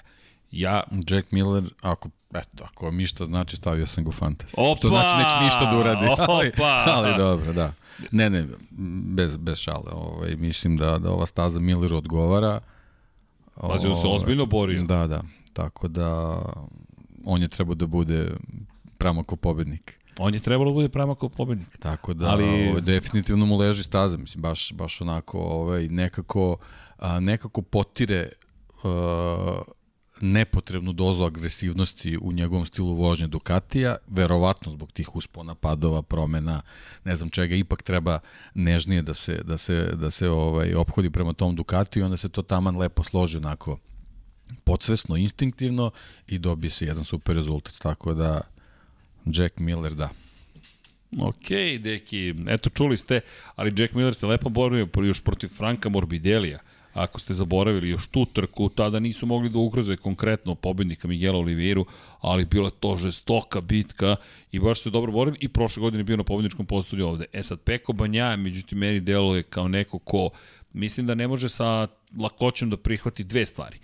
Jedna je da privatni vozač pobeđuje, na prošlogodišnjem motociklu s kojim je on bio uspešan, mislim da to posebno boli, i dva, da pobeđuje Italijan.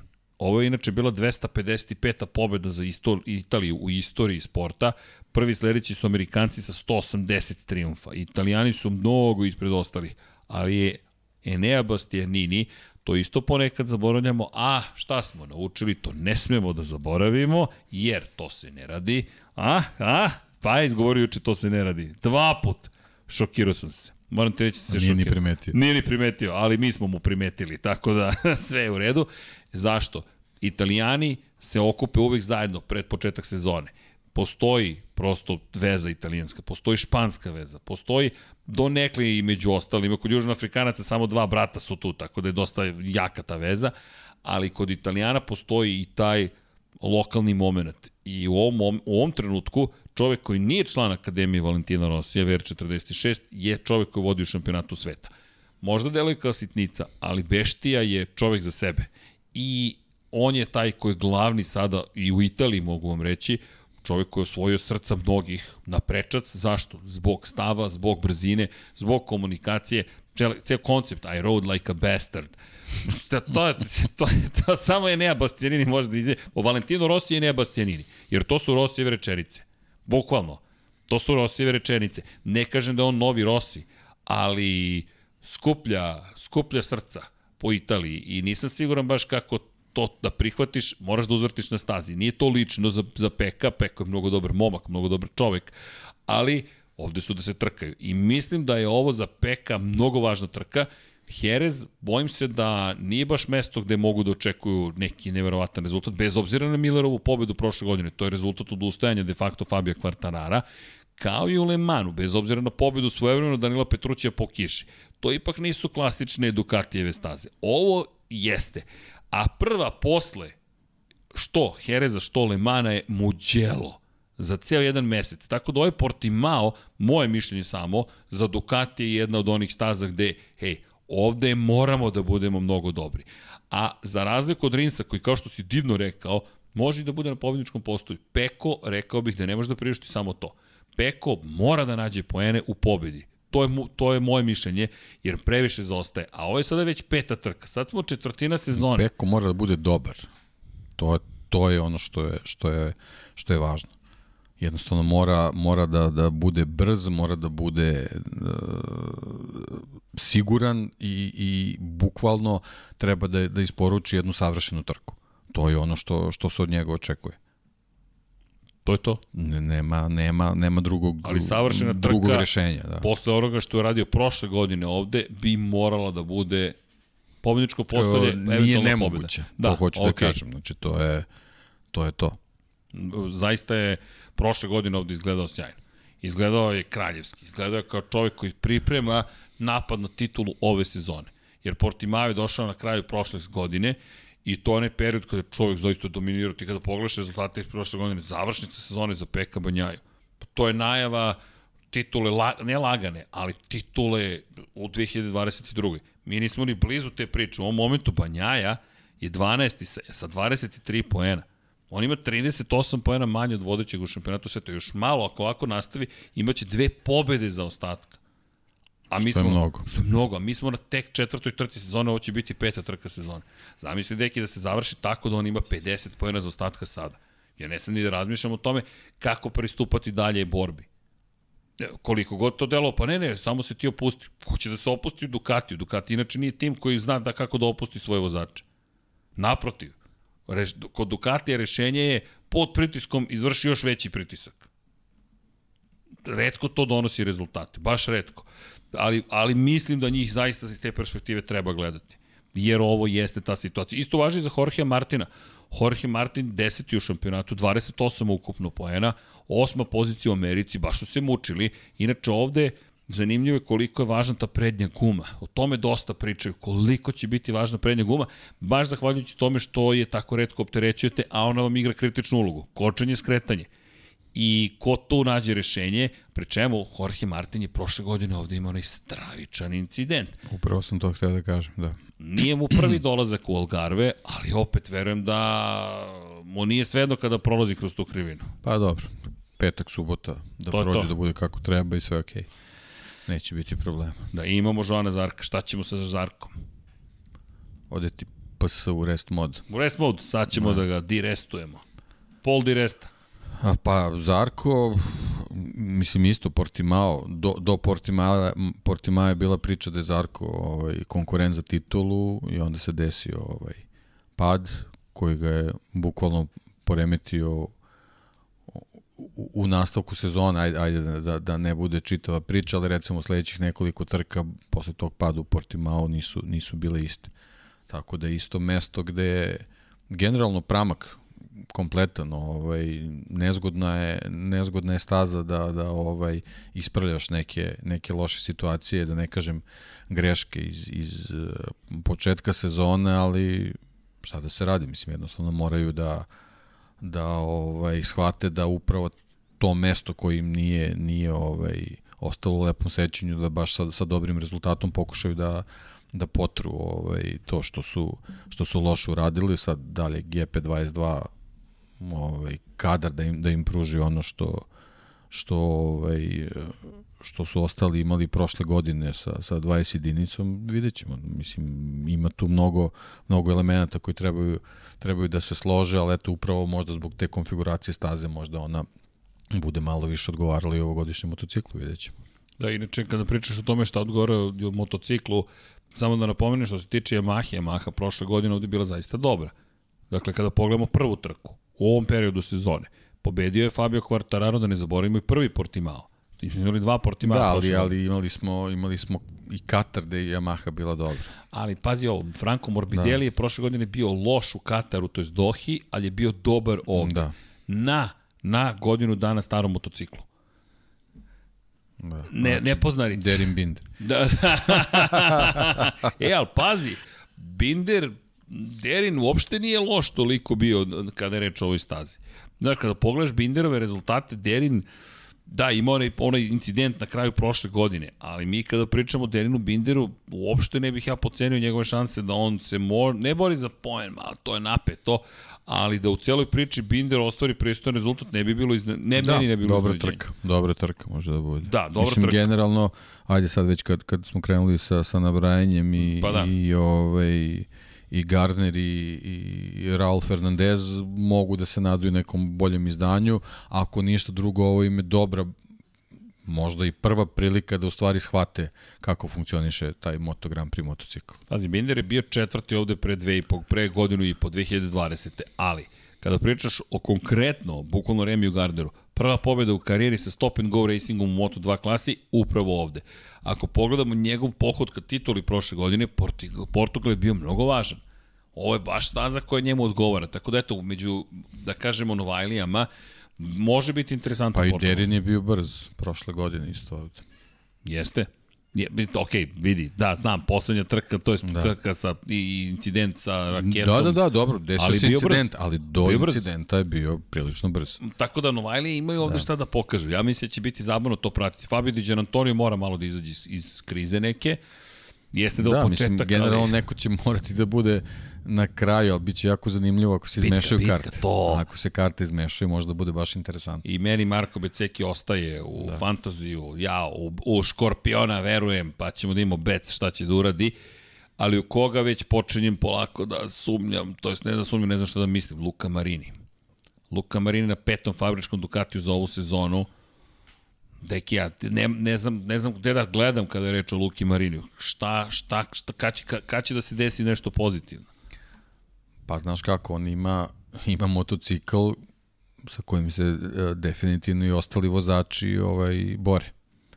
E sad ti kad imaš e, satelitsku ekipu, sad ne, ne možemo sad ni kažem satelitsku, imamo privatnu, privatnu ekipu, privatnu ekipu koja je malo, malo dalje od izvora svih informacija koje imaju, naravno, pre svega fabričke Ducati, a onda, onda i Pramak koji je satelitski, u stvari mnogo bliži fabrici, onda ti imaš neki, neki peti motocikl koji, znaš kako, veliko je pitanje, ako se dešavaju neki update-ovi, kad Marini dolazi na red za bilo šta od toga i kad će dobiti priliku da bilo šta i istestira ako, ako stigne neki, neki novi deo, tako da je situacija prilično nezahvalna upravo zbog toga što taj motocikl od samog početka ne, ne prža performanse kakve bi trebalo, a nije samo Marini taj koji je, koji je u problemu, tako da eto, ja, ja što se toga tiče i na njega ne bih gledao baš tako ovaj, Kritički. Kritički, onako, da. maksimalno. Znači, naravno, verovatno ima nešto malo, malo i do njega, ali mislim da je, da je tu u stvari o, splet svih tih okolnosti ovaj, doveo do toga da njegovo izdanje možda baš nije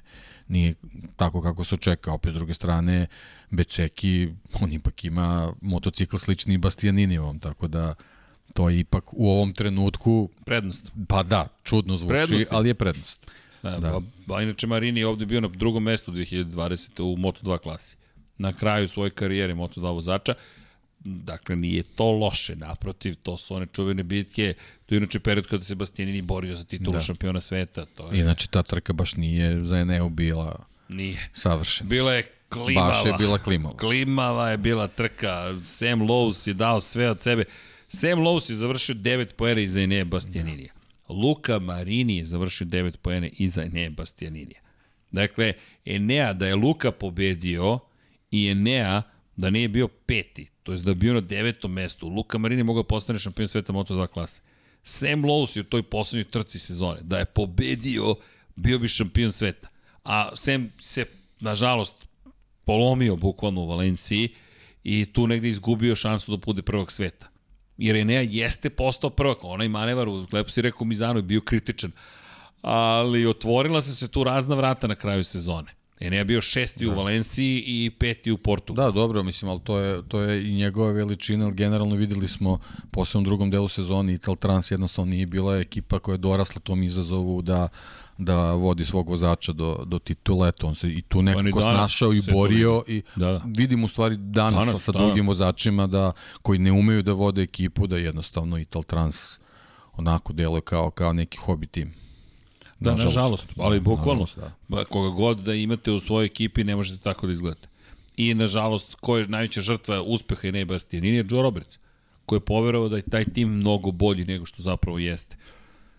No to je nešto što nažalost da. naučite ponekad samo pa kroz da, iskustvo. Pa da, to je opet samo plus za Eneo.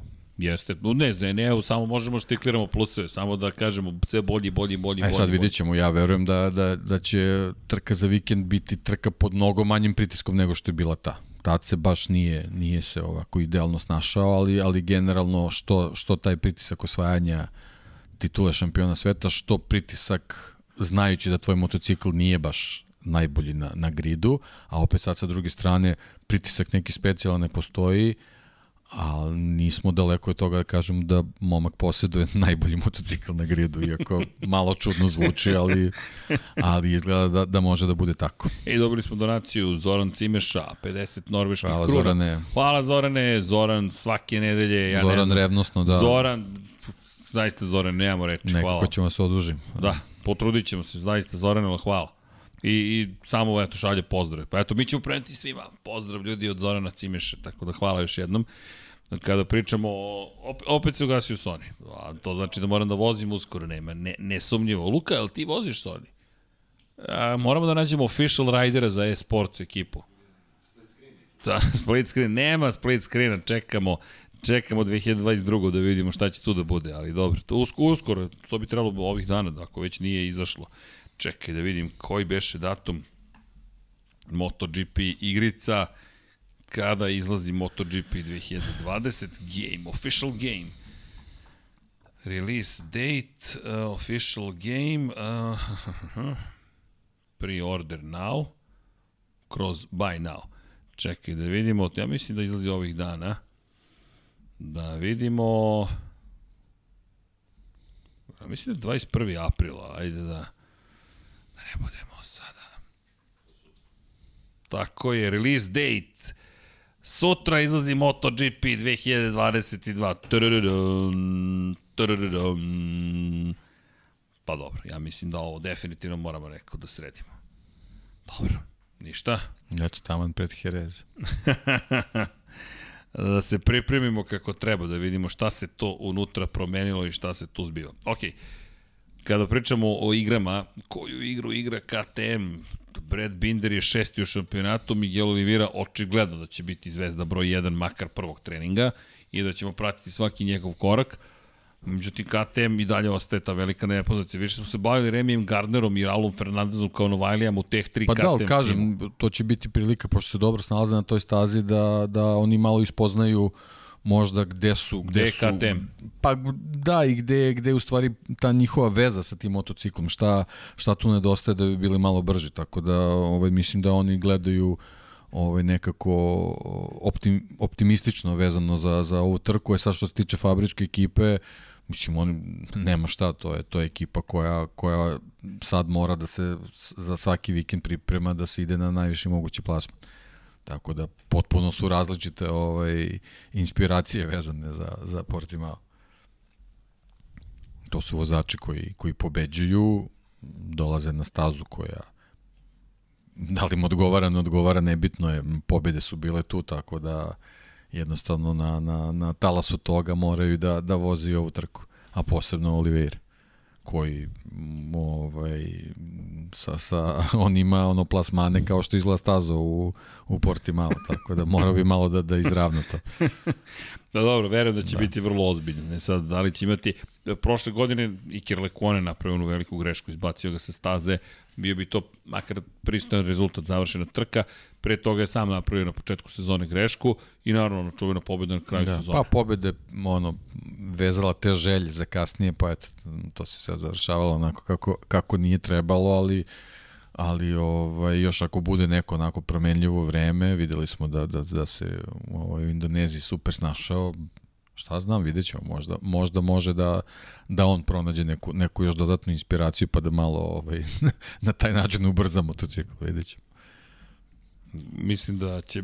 Mislim Ali da će... kažem, ne mogu svi da budu u vrhu, tako da...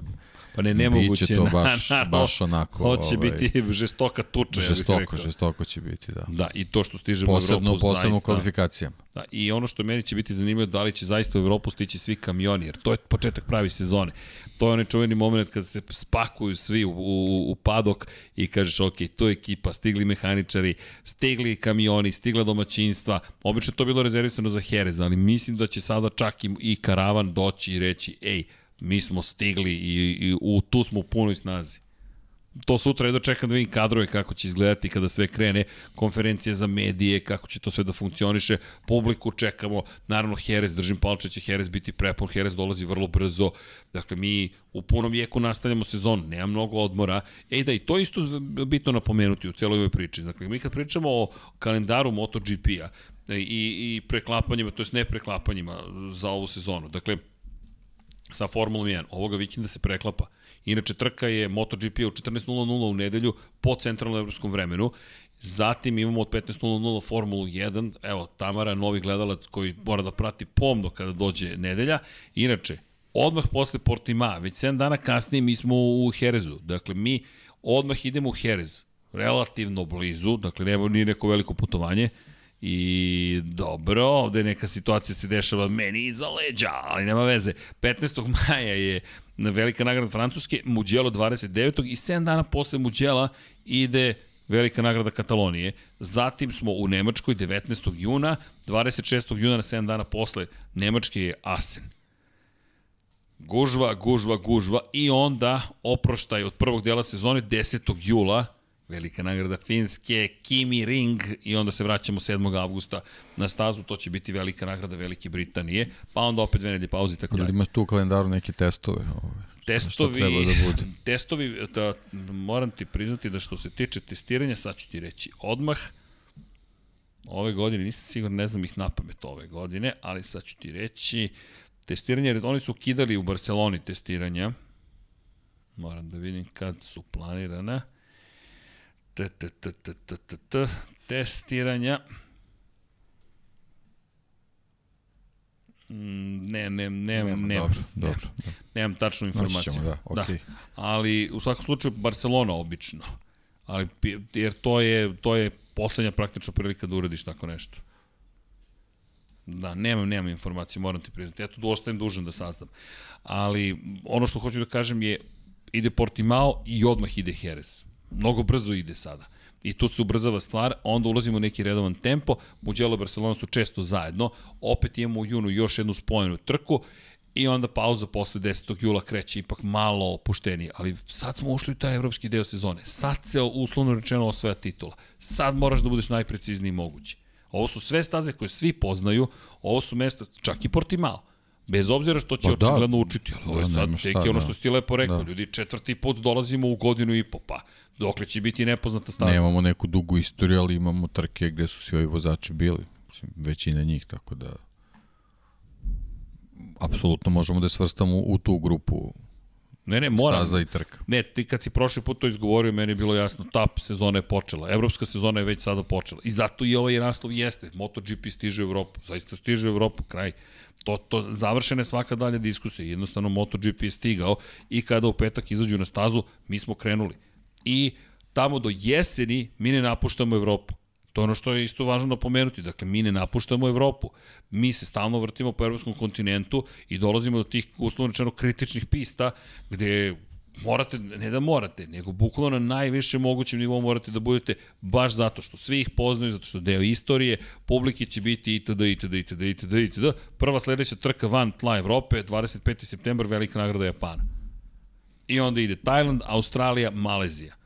Pa ne, generalno ima dosta trka ovaj, od Japana pa do, do kraja sezone, ali generalno svako ko, ko planira da ovaj, neki, da ostvari neki visok plasman u, u, u šampionatu, jednostavno do tad mora već da, da osvoji određenu sumu bodova koja koja je bila u planu da bi, da bi uradio nešto. Od Japana nadalje, mislim, nadam se da ćemo biti u situaciji da se, da se tad da re, rešava titul, ali generalno svi konkurenti moraće u ovom evropskom delu da, da osvoje taj planirani, planirani saldo bodova. Ovo je početak. Ovo je početak, radujem se, moram ti priznam. Pa, Šta ćemo... početak pre svega eto za tu ekipu koja, koju možemo da kažemo predvodi Peko Banjaje koji imaju taj zaostatak, znači sad bukvalno od, od Portima te prilike i taj luksus za, za, za propuštanje bodova više ne može da bude. Pa dobro, to može da se kaže i za Marka Markeza. 13. šampionatu, 40 pojena iza vodećeg, sada počinje taj deo godine. Bukvalno sada počinje i na osnovu onoga što smo videli u Americi, ja mislim da će se oni pa, kako truditi da se bori. prvo sam to htio da kažem, mislim to je onako nešto što ne ide uopšte u prilog Peku Banjaji, mislim meni Marquez mnogo ubedljivije deluje od Banjaji. Tako je. Izgleda kao neko ko je to zaista je, željen te titule. To je za, za, za Peka alarm.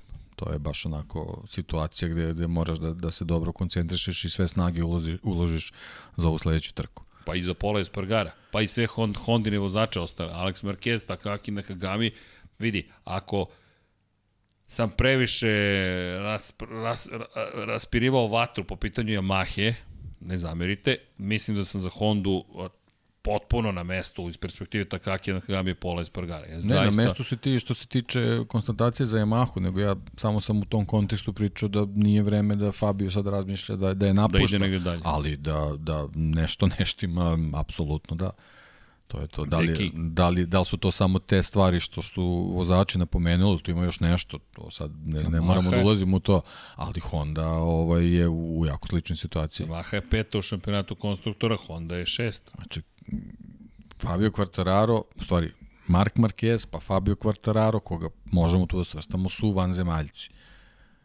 Ovi, ovi ostali vozači ne mogu da se uzdaju to, nego jednostavno moraju da, da, da porade na tome da, da, da pokušaju da izvuku što više mogu iz tih motocikala, ali, ali ovi plasmani koji su pokazali govore da jednostavno nije tako. A Bešte je stigao do meseca. Da. Za sada. A opet, ono što smo napomenuli, oni, oni su u nekom donjem domu zajedno recimo sa vozačima tek 3, kojima ovo može da bude trka gde će, gde će da, da prilično napreduju. Onda šta, šta znači za, za tebe? Onda ostaju one poslednje pozicije, što je to je onako baš nedopustivo i za Yamahu i za Honda.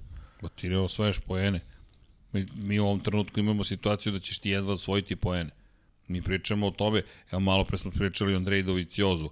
Andrej Doviciozu u situaciji da se pitamo da li će imati 20 poena do kraja sezone. Čovjek ima 3 poena posle 4 trke. Mi pričamo o Andrej Doviciozu. Deki, on je 40 puta bio na pobjedničkom postolju s Ducatijem. Mi pričamo o, o legendarnom vozaču Moto Grand Prix on se muči da dođe do vodećih 15, apropo tvoje priče o tome da dolaziš do situacije da nećeš osvojiti poene.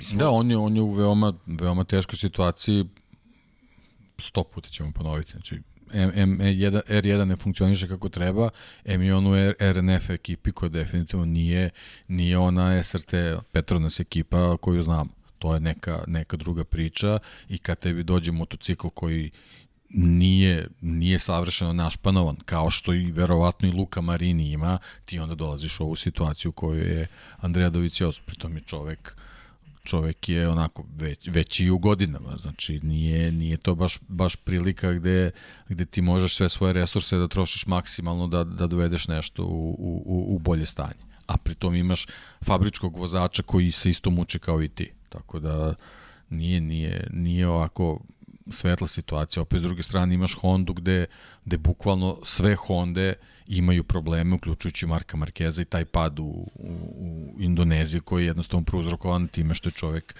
u, u svom stilu naravno išao i, i, i preko limita da bi, da bi ostvario neki rezultat s tim motociklom. To će ponovo ići. Nema tu više stanja. Deki, Ma dobro, to smo, to smo smo absolvirali da. jednostavno. On je takav, ali, ali čisto govorim vezano za performanse Honda. Znači, ostala trojica vozača su onako baš, baš ogledalo gde je ta čitava priča sad. Koliko Čekamo. to njima ovaj, ide ili ne ide u prilog, mislim, to oni trebaju da, da, da procene. Da li, da li javnost umači da je samo do motocikla, da ima prilično i do njih, e, to, to sad trebaju oni da, da opovrgnu. Kombinacije stvari. Tako je. Mislim da je ovo baš kombinacija stvari, ali bukvalno da je to kombinacija stvari, da će se posle ovoga malo više stvari znati, ništa drugo.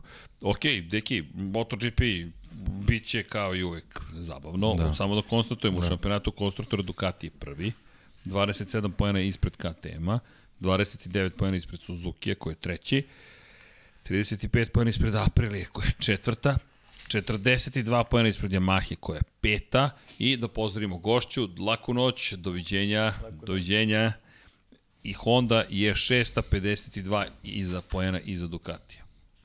Da. Najuspešniji rezultat Honda ove godine treće mesto Pola Espargara na početku sezone. Posle toga su bili, pazi ovo, 12. 12. Da. i 6.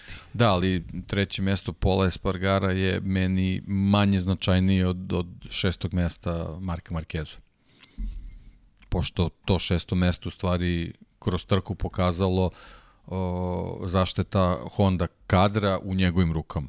Nije li to sad, poražavajuće? A, pa da, da, mislim, to je, to je onako sav, sav uh, sklop, ali generalno sa Marko Markezom ta Honda može nešto da izvuče, ali, ali kažem što se tiče ostalih vozača, to njim uopšte nije, nije na čast. Dobro, Moto dvojke nas čekaju, čekaju nas i Moto trojke. Stao bih sa Moto Grand Prix, možemo od sada u krug da okrenemo još jednom sve, ali mislim da je to je, da je dosta jasna situacija. Ja i dalje stojim pri ome Beštija. E sad, nismo jednu stvar rekli. Bastianini. Sve je to bilo lepo i zabavno u prvoj trci. U drugoj malo mučenje, trećima, četvrta opet pobeda. Sada, međutim, ja mislim da se menjaju stvari.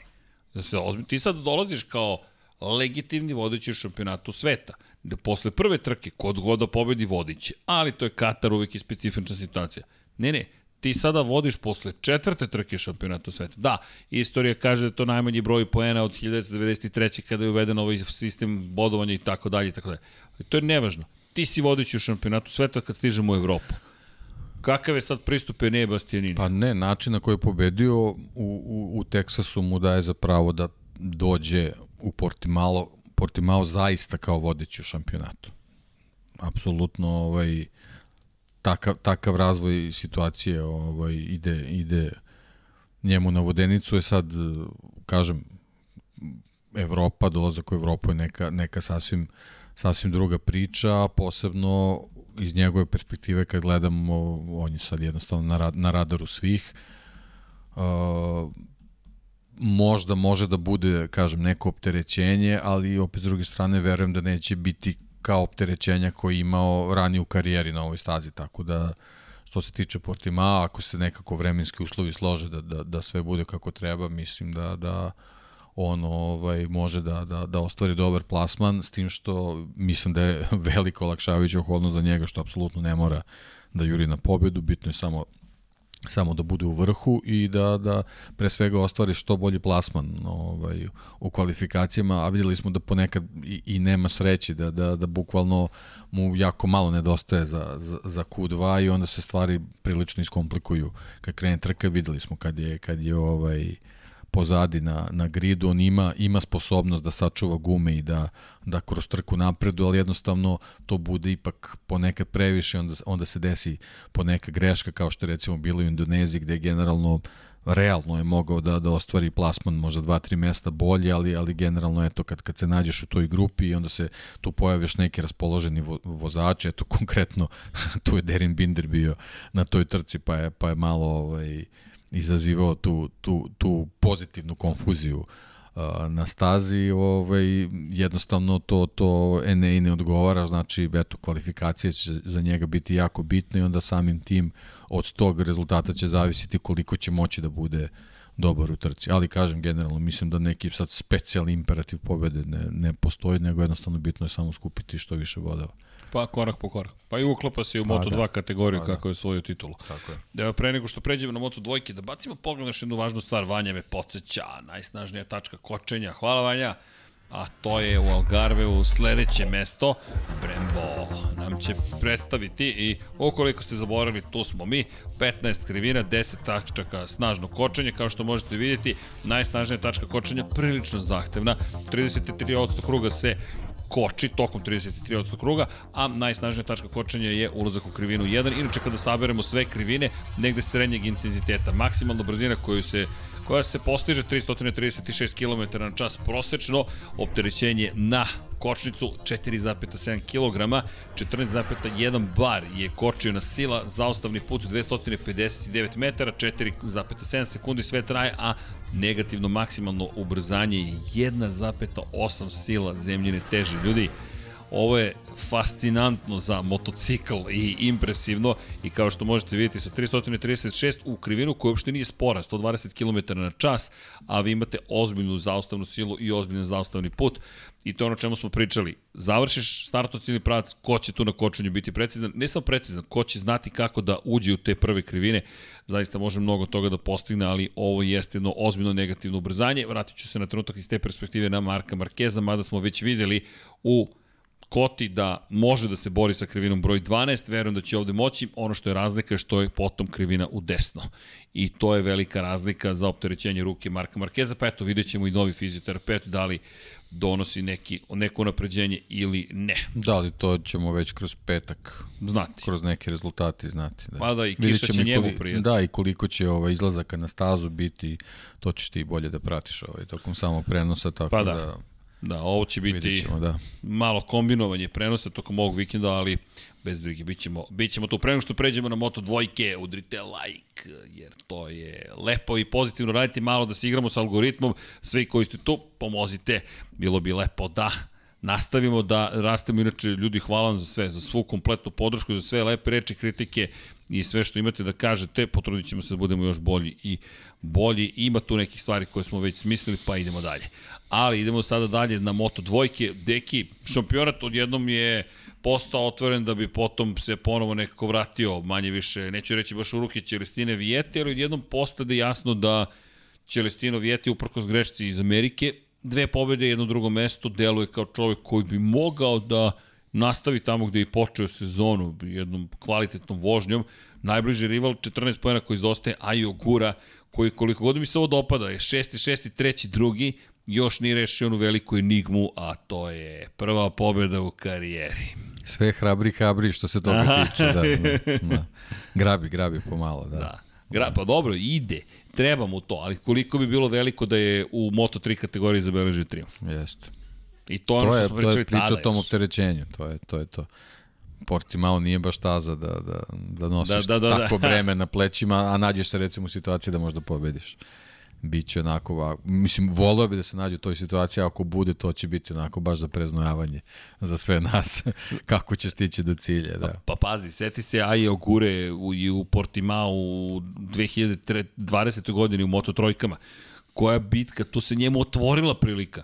Dakle, Albert Arenas je taj koji ima probleme. Albert Arenas se muči, on je Pa 12. Arenas, Arenas nešto slično kao Bastianini. Kao Bastianini. Samo gore čak. Samo gore. Samo I gore. odjednom Ajo Gura ima šansu da osvoji titulu. Ajo Gura je osmi završio tu trku. Četiri poena za kraju završio i iza šampiona. Toni Arbolino je četiri poena završio iza šampiona. Arbolino, da je došao do pobedničkog postavlja, bio bi šampion sveta. Toni Arbolino koji je pobedio na prethodnoj trci sezone. Kako u Moto trojkama možete da vidite budućnost koja dolazi. Celestino Vieti te godine bio peti u šampionatu sveta. Inače, Celestino te godine dve pobede, bilo ga je tu, pa ga malo nije bilo tu. I na kraju sezone, inače, Raul Fernandez došao do izražaja. To su pobede kada je počeo da pobeđuje Raul Fernandez, opet čovjek koji je sada u Moto Grand Prix. I kada se vratimo u tu sezonu 2020. Čak i Albert Arenas je sve bolji i bolji. I mi smo polako preneli tu sezonu u Moto dvojke. E sad, Ajo Gura, da je bio, dakle ne osmi u tom trenutku, već da je uspeo da se popne na četvrtu poziciju, bio bi šampion sveta. Dakle, on bi čovjek imao pet pojena više i imao bi pojen da, više na kraju ali sezone. ne, neobjašnjivo ovaj, povučena vožnja u tim Da, trenucima. u- kao- Neobjašnjivo, da. Nismo ga videli tako neagresivnog. Da. Dobro, on generalno nije agresivan. To, Nije, to ali nam je više puta pokazali, to je baš bila situacija gde, gde trebao neki, neki napredak da se pokaže. to je morao da, A on je baš bio klasičan on u tim trenucima. da, da kaže Da. imam ga. I to, to, je, to. to je nešto što, što, što će mu nedostajati u tim trenucima kad se bude lomilo da li će, da li će se konačno pisati I među rekao pobednike. bih, to je Ajo Gura. Bukvalno Da. to je Ajo Gura. Evo, Toni Arbolino je pobedio, možda je to neki novi početak za Tonija. Bojim se, još nismo videli tu vrstu konzistentnosti da, da pričamo o Toniju Arbolinu sad hvala speve i kažemo, a Toni Arbolino sigurno upada u ovu celu priču. Ok, pratit ćemo, završio je sve trke, peti, osmi, šesti, prvi. Ima tu priče, ono što je priča da su najkonzistentniji vozači u vrhu, Ogura i Toni Arbolino, jedini izuzetak je vodeći Celestino Vijeti koji jeste pao. Inače, kakav sunovrat vodećih u šampionatu. Vijeti pao, Aron Kane pao, Somkija Chantra pao, Sam Lowe's pao. Pedro Pa, Costa kao... od, od te čitave priče o naj, najzagonetnija stvar Aron Kane.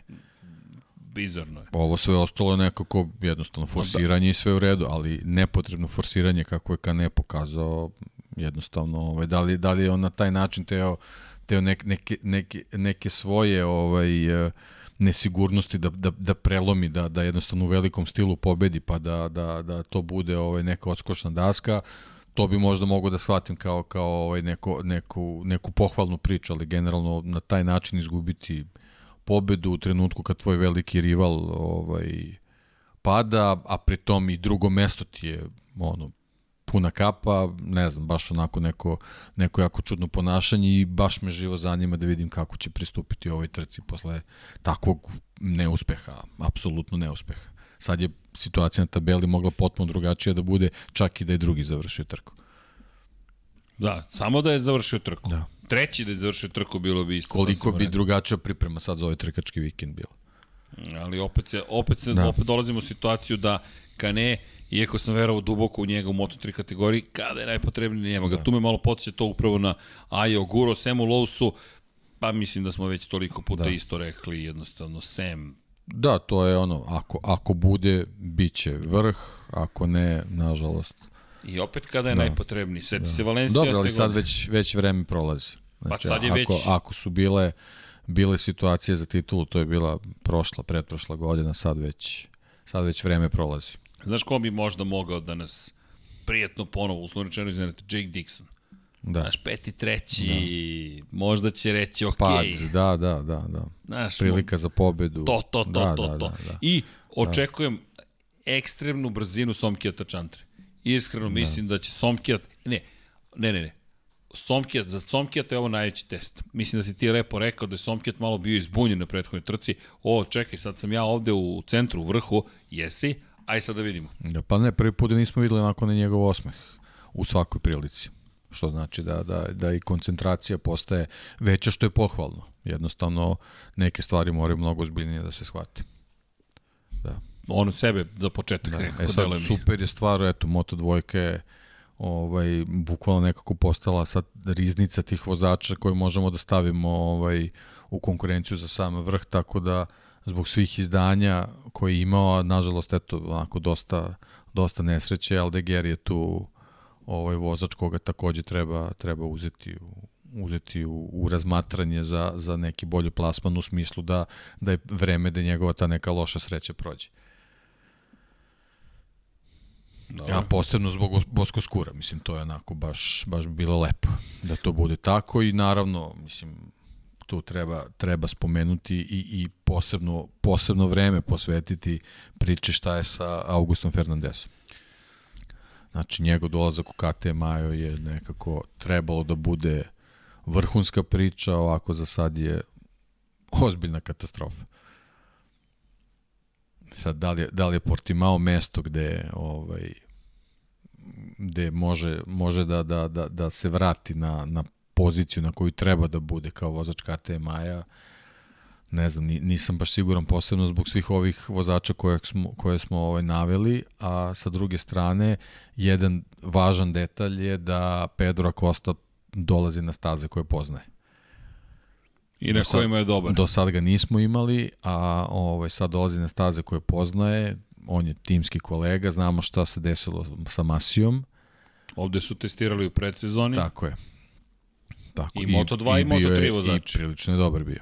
Jeste. Tako da, eto, sad je, sad je to još, još jedan dodatan pritisak na Augusta Fernandeza, pa ćemo vidjeti od kakvog je materijala i on sastavljen.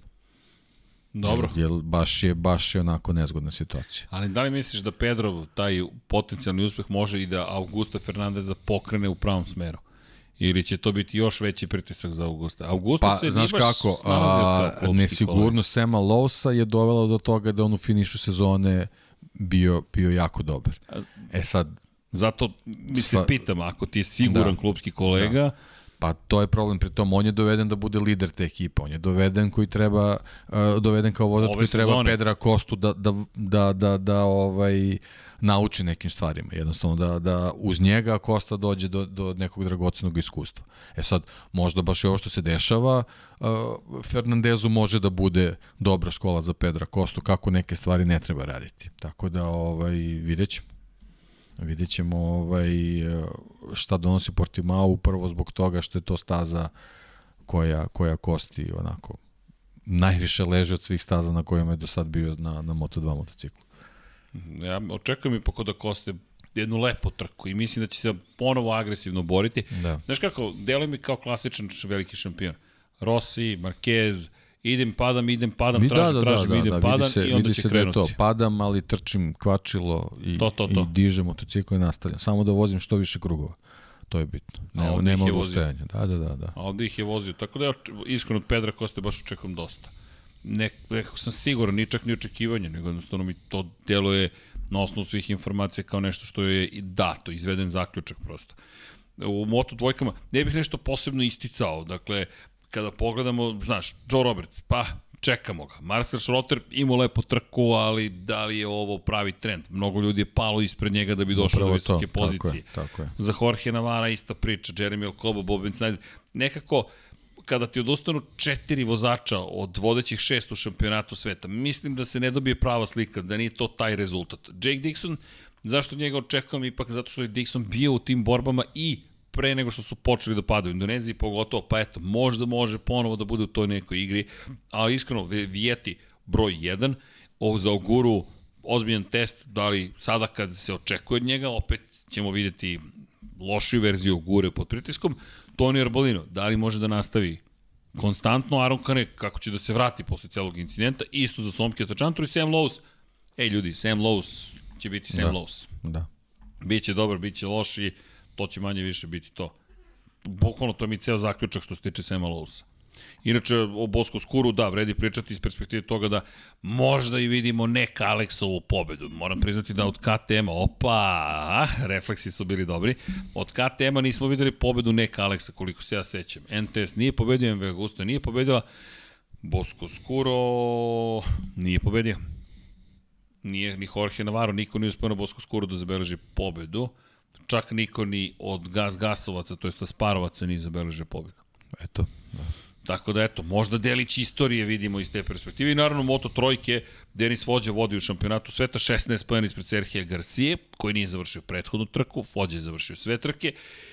I tu onda dolazimo do jedne grupe Andreja Minjo, 33 pojena za ostatka, Izan Givara, Denis Ondžu po 37, Jaume Masija 40 posle ove pobjede, Carlos Atai 42, Ayumu Sasaki 45, Kaito Toba 47, Xavier Tigas 48 i Pazi sad ovo, Ricardo Rossi 50 poena 11. u šampionatu. Zašto ih napominjem? To su već dve pobede za ostatka. U jednoj pobedi za ostatka je samo Sergio Garcia. I ukoliko u Portimao ne odvezu neku sjajnu trku, mislim da će ovo biti moment kada je Denis Vođa zaista iščupao šampionat u domen toga da eventualno Sergio Garcia može da mu se odupre i to je to. Jer šta mi je fascinantno, Jaume Masi, ako sad krene da niže pobede, mislim, naravno, uključit će se u to sve, ali to je test Jaumea, ali za Denisa Fođu mislim da je ovo sezona kada je ovo samo pitanje trenutka kada će on završiti posao. Zašto? U, opet smo u trci imali situaciju da on zaostajao mnogo i da on uopšte nije izgubio strpljenje, nego jedno po jedno, jedno po jedno, jedno po jedno. jedno. Ok, ne mogu do pobede, mogu do pozicije broj 2. Džalmi Masi je odvezao sjajno, Fođa, pomogao i Fođa da pobedi. Postojala mogućnost da Đalme nije odvezao onaj poslednji krug onako kako je odvezao i agresivno napao. Fođa bi uzeo bio svoj ostvario pobedu, da. uzeo 25 poena. Ovako, on je popustio i rekao, ej, 20 poena, hvala lepo, čao.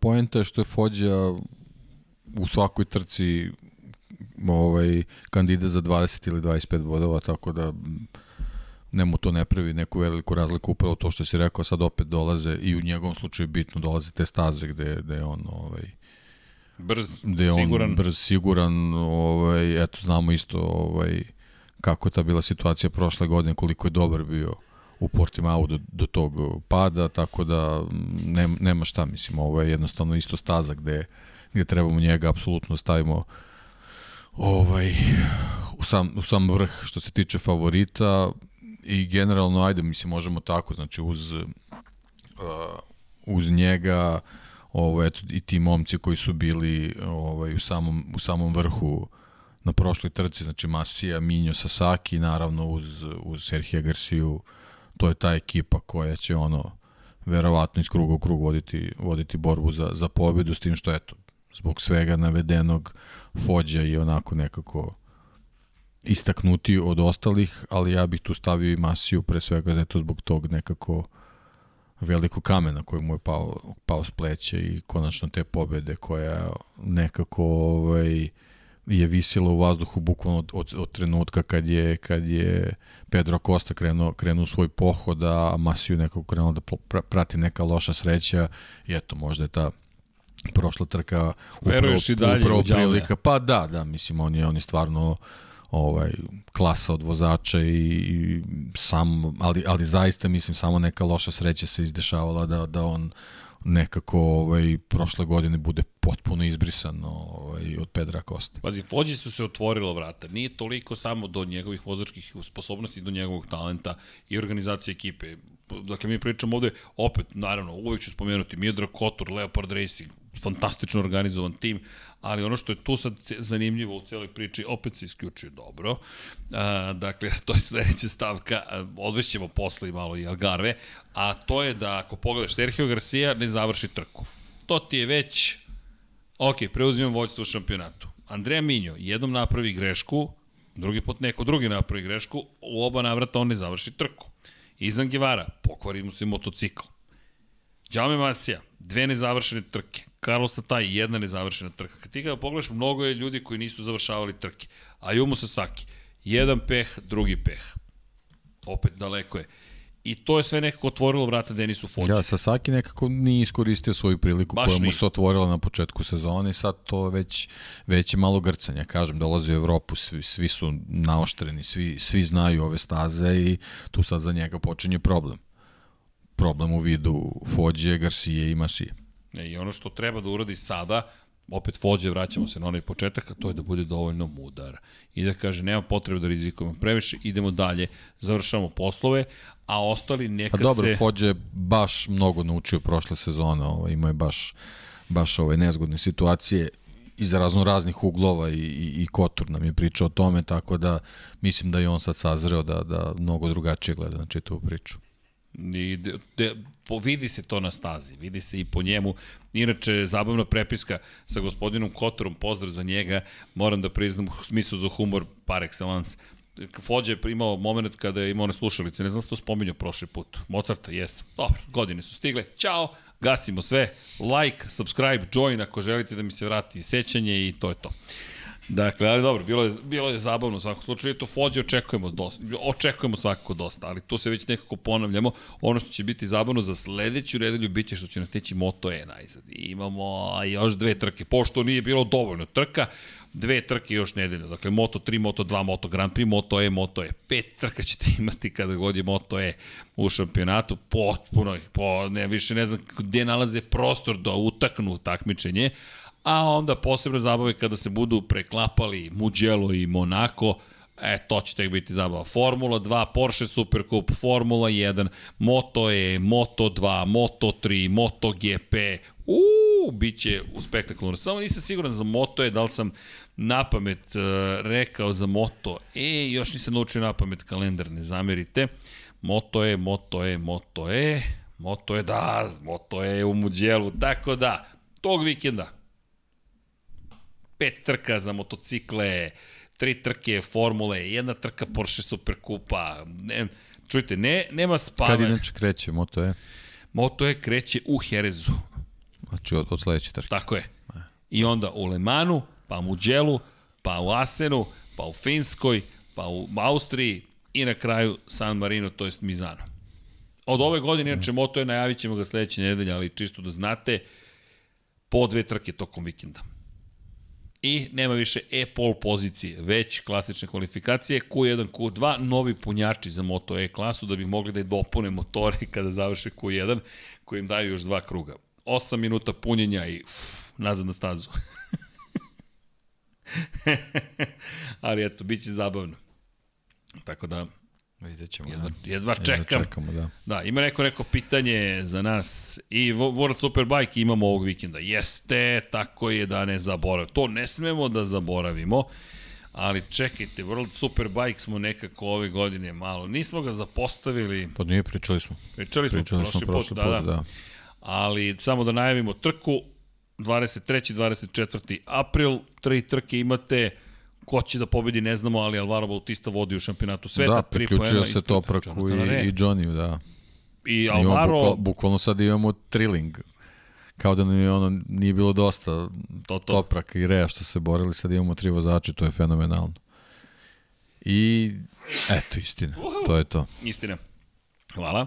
Alvaro, ali pazi, sa Alvarom se nikad ne zna. Za one koji eventualno su zaboravili, Alvaro Bautista je šampion sveta bio 2000 šeste godine u 125 kubika. Međutim, u Superbajku, inače čovjek koji je vozio i Aprilia i Honda i Ducati, ne znam šta sve nije vozio. Međutim, Superbike, njegova prva sezona u karijeri u Superbajku, 2019. na Ducatiju.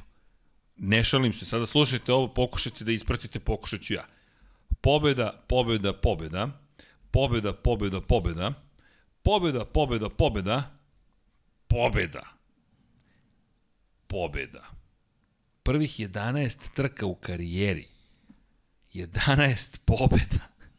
I nije bio šampion sveta na kraju te sezone, bio je drugi iza Jonathana Re. To je čuvena sezona, posle otišao na Hondu, sada se vratio na Ducati i odmah je počeo ponovno da pobeđi. Međutim, Alvaro Bautista do bukvalno odlaska u Imolu nije pretrpeo poraz. A čak i tad, Johnny Rea dve trke, po, dve pobede, drugo, treće mesto za Alvara Bautistu. I sad pomislite, aha, evo je bitka, odu u Jerez, Bautista pobedi i pobedi. A Johnny dva puta bude četvrti i zatim počinju malo problemi. Nije klasifikovan u sledećoj trci, treći pobedi Johnny i još jedna pobeda Alvara. I onda, sada čitam Rejne rezultate. Pobeda, pobeda, pobeda, pobeda, pobeda, pobeda. Drugo mesto, pobeda, pobeda, drugi, drugi, drugi, pobeda, drugi, pobeda, pobeda, pobeda, pobeda, pobeda. 663 poena na kraju sezone, Alvaro 498. Šta se desilo od poslednje Alvarove pobede? 14. odustajanje, četvrti, treći, 17. nije startovao, odustao, četvrti, drugi, pobeda, peti, peti, odustao, pobeda, drugo mesto, peti, četvrti, drugi, treći. Johnny Rea je pobedio čoveka u borbi za titulu koji je imao 11 pobeda u prvih 11 trka karijere u svetskom šampionatu Superbike. To, je, to su To je besmislena sezona i Alvaro nije postao prvak. A sada se uključio Johnny Rea drugi u šampionatu, branila titule tog Jogu treći, inače na Ducatiju Alvaro, Johnny na Kawasakiju i Toprak na Yamahi. Ne znam da li treba neka najava, još nemam pojma. Pritom je Asen. Znam, Asen je čini mi se. Asen, tako, da. Asen. Da, pa eto. Još i u Asenu. šta, da vam, šta da vam kažemo, uživajte. Ako napravite džep u, u prenosima, pogledajte Superbike. I, i, i reali hrvatski, čisto da, da, da, bude, da, bude ono, da. vikend, da kažete, ok, šta ljudi sad da ništa, sve, sedam ekrana ovako posadite i... Da. I... Plus informacija da se Lojbe vraća za Rally Portugal. Tako da. Da, da nevjerovatno. da, inače pitanje, pa koliko to trka imaju? 30? Da, imaju ih i više zapravo, s obzirom na činjenicu da imate tri trke po vikendu, 13 trkačkih vikenda. Skoro 40 trka godišnje ne, ne, nemam komentar. Alvaro nije osvojio titulu. I naravno nećemo zaboraviti super sport, s obzirom na činjenicu da, jel te, i u super sportu imamo neka lica koja su nam i tekako dobro poznata i kada o tome govorimo, besramno ćemo navijati uslovno rečeno za Lorenza Baldasarija, makar da se vrati u igru ne mora da osvoji titulu, ali da bude u toj celoj priči. Inače, ko vodi u šampionatu sveta? Dominik Eger, jer to je Domi na Yamahi, drugi na Yamahi, Lorenzo Baldassari. Drugo, prvo mesto, prvo, drugo mesto, po 45 poena i onda Nikolo Bulega, peti i treći. Glenn Van Stralen, to je jedini čovjek koga nismo imali prilike da gledamo do sada. Niki Tuli vozi u Moto E klasi, u Moto 3 klasi, Stefano Manci u Moto dvojkama, Gian Onču u Moto trojkama i onda dolazimo do Federica Caricasula, koji, eto, nije nam toliko poznat, ali uzbudljivo će biti u supersportu, a ukoliko se pitate koliko kod njih ima trka, po dve trke po vikendu. Ja mislim da je sada cilj sabiti što više trka u trkački vikend. Dva super sport, tri super bike, dva moto E, pet ovoga, pet onoga, vikend za vikendom. Da, baš, da. baš žestoko. Čija ideja je bila da pravimo podcast? Molim te ga udari gitarom. Šalim se, naravno, ovo je uživanje, ali nekad je to bilo 15 trka godišnje, sad nemaš povataš kom, kom vikendu se šta događa. Ali da, hvala za podsjetnik za Super Sport, pa i SSP 300. Srki, zašto će Rins biti vodeći šampionatu posle Portima? Zato što će pobediti. Kako? Ko? Da vozim sa Rinsom? Čekaj, moram da upalim ja, TV. Jao. I jao, hoćete... Ja, da ja Rinsa. Kako? Sa Oliveirom. Ja, evo ovde. Čekajte, samo, samo sekund, molim vas, moramo da, moram da uključim TV, samo sekund. Deki, udarim nešto. Udarim like, da udarim subscribe. Još par desetaka, ovaj, desetina ovaj, subscribe-ova i na 16.000 smo. Da, da, da. da. 16.000 subscribera Yuri Lab 76 Infinity Lighthouse. Znači, tr Srki ne, Rins ne završava trku. Eto, ponovo vid, pa zar tako, drugari? E, da, Nikolo Bulega, ma Nikolo Bulega je izvrstan ljudi, pa ne, svi su to sjajni, e, zaista sjajni. Čekajte, da vidimo. Ma molim? Pa valjda sam upalio, HDMI trojka. A da li sam upalio Sony? Jesam, upaljen je.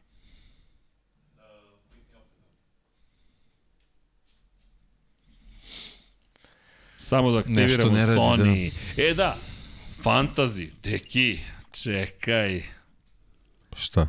Gde si u Fantaziju? Počitali smo prošli put. 367. Pa čisto podsjećanje. Pa da, tu sam ja nešto. Emin Subašić vodi, Dok, The Dok 46 i drugi, pa Mane DC, Your Zen Ride, QWE, neće da radi, a?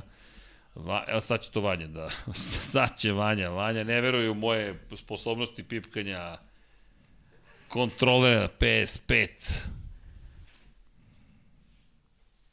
Eto, nije mi verovao. Gde je lap 76 broj 4? Ej, znaš šta, mogli bismo iz arhive da ga izvučemo.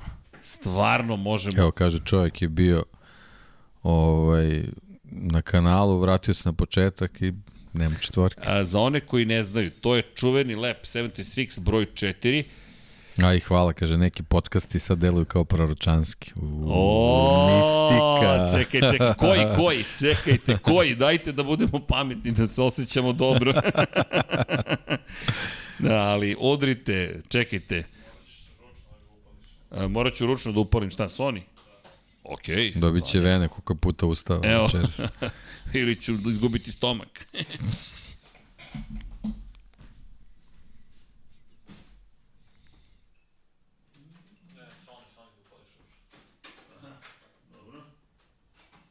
Mislim da večeras neće biti ništa od trke, ali dobro.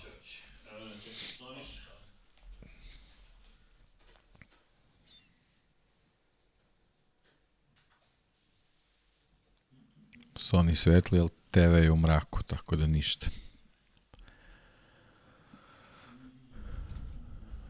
Da vidim ja za to vreme ili ima neko pitanjce negde.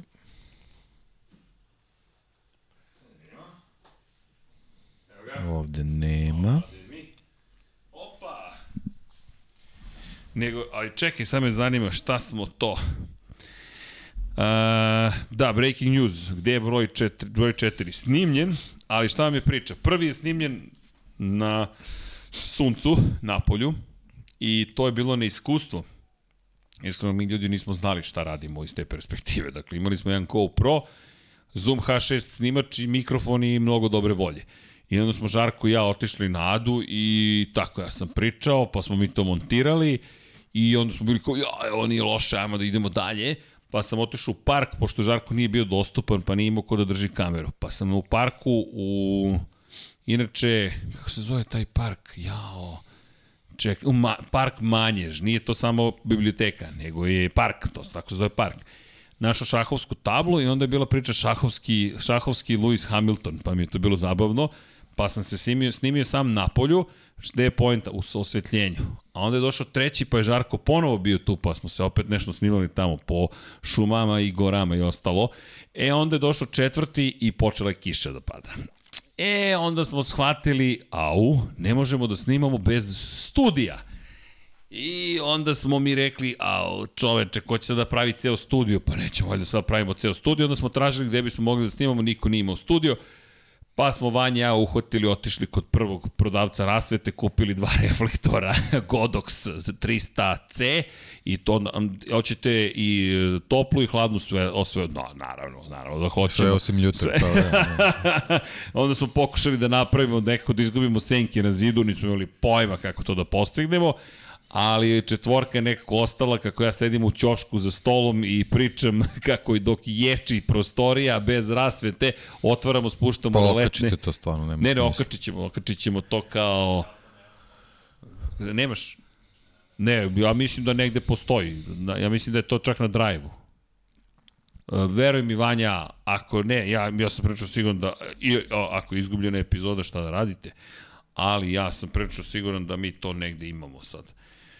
Evo ga, Lab 76 4. Ja, tan, tan, tan. Sve ću ti poslati, Vanja, da vidiš kako to izgleda. E, to ti kažem, Dropbox je za rešenje za sve. Google Drive i Dropbox. E sad, e, šta ćemo da vozimo? Play the game, everybody play the game. Opa, a ne, kod tebe, ne, ne, sad ću da se prebacim, Vanja. Evo ga. Play game. Ko šta smo rekli, koga biramo? Miguel Oliveira i KTM. Milestone.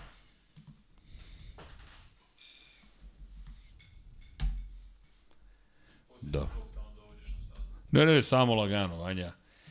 Bez brige. Znaš, je rekao da zvuk kasni, tako da možda je bolje da sedem tamo, da stavim slušalice sa TV-a. Hmm? Misliš? O, ho, ho, ho. Kako? Je li sve okej? Okay?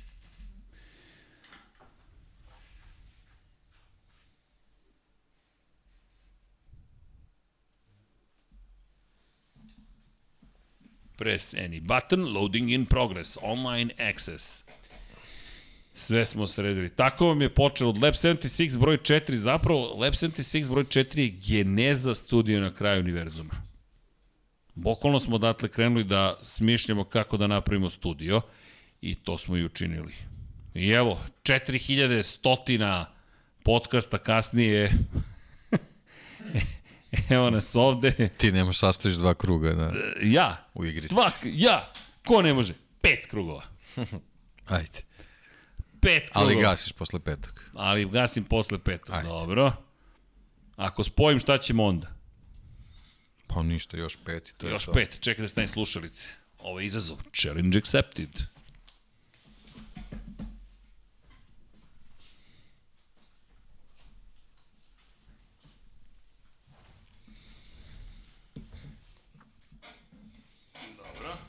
Sad se uzbiljio pa se učutao. Zapravo i mogu ovo da izvedem. Ti si car, Vanja. Ajmo da imamo MotoGP 21. Go to track. Flying start. Kakve pripreme. Poslednji put sa MotoGP 21. Sledeće. To, sledećem podcastu deki. startujemo s Da, 22. RC 16V k- za prošlu sezonu. A, ovo je 13.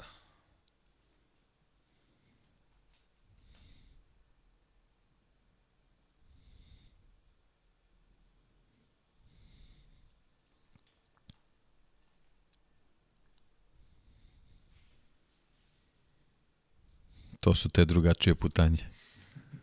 Tako je. Ne možete da, da, da razumete kolega, ovo je ovo su fini E, senzori. sad da te vidim. Sad, sad, sad je challenge. Opa! op, op, op. Op, op, op, op, op. I još, O, seme lobuse. još četiri kruga Još i... četiri kruga, dobro. U stvari nije, ušao si u, u prvi, znači još pet, ali Dobro, već smo... i ovaj. Već, da, već gubimo metar pomalo. Odbrojavanje je počelo. Nije. Ovo kočenje mi pravi problem. Preagresivno. Hladna mi je prednja guma. Važno je da znaš uzrok problema. Odatle sve počinje. Tako je. Pa Ne, prvo da prihvatim da problem postoji. Tako je. Pa onda da saznamo gde je uzrok problema, pa onda idemo dalje. Op, op, op, op, op, op, op, op, op, op, op, op, op, op. Dobro, može i i tamo, može, može ko Aleš, i ko. Aleš, tako i on. Ali nisam pao. Pa nije ni Aleš. Nije, to ti kažem. Ove recimo dobio si dugi krug zbog, zbog greške u prvoj krivini, na primjer. Koliko tečnije izgledala staza uživo kad je oni voze. E, ovaj prevo je zahtevan, ovo je baš zahtevan. Nemate predstavu gde idete. Pita Jarona Kanea. Da, da, kako je pao čovek. Ovde je inače kažnjen Peko Banjaja za žutu zastavu. Vi koliko istorije se već skupilo? Uf, uf, uf, uf. Dobro, zaboravio sam da je krenuo desno. Zabranjen razgovor sa vozačem. Zabranjen razgovor. ne, ja stvarno moram da počnem da učim da igram ove igrice. To, okej. Okay. Stvarno nema smisla.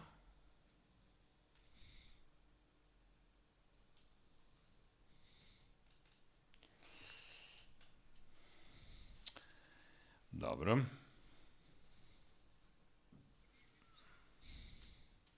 Ok, ovo je bila, ovo je bila greška.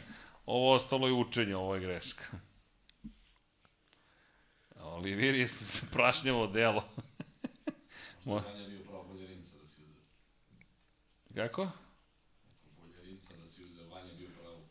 Bolje Rinsa.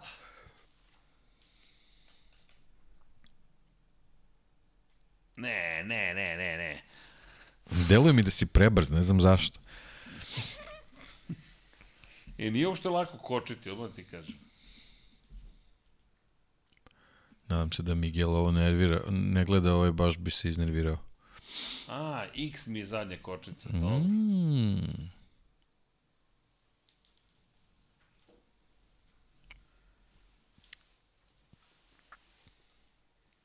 A, okej. Okay. Trenutak istine. Opa, oh, oh, oh. Ne, ne, ne, dobro, dobro, dobro, dobro, ali... ali sad već počinjem da kontam Da, da, šta da. treba da radim, dobro. jasno je sve. Dobro. Jao, Dejan Sarkazam potkonjak, jao. Ko, uopšte nisi dobar motivacioni trener. ja sam nežni cvet, ja ovo drugačije pristupno.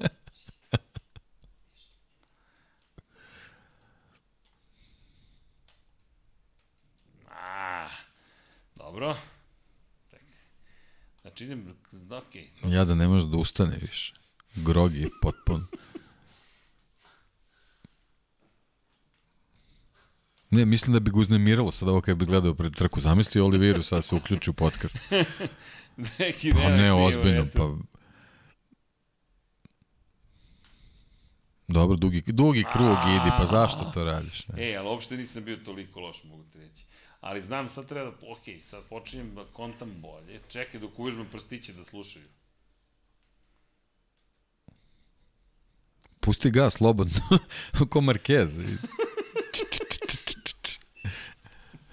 Vidi, postoji samo jedan stil vožnje. Ok, sad ne znam zašto sam pao, ali Da, u stvari Markezovi padovi i ono nepuštanje gasa, u stvari to kao, kao u igrici izgleda. da Kad pogledaš. to radi u stvarnom životu. Pa da, i nije mu dobro posle toga. To Nije je, ni to je nije ni vezano. Vernon. Jadan Miguel. Ko je o deseti pad, ja mislim. Da. Aj, jao. Ali, I Bože, kako ja. sam počeo klizam, a?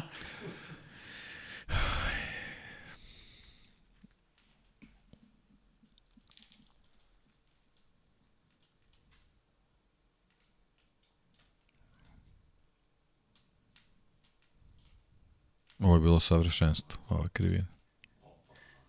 Dobro, sad već.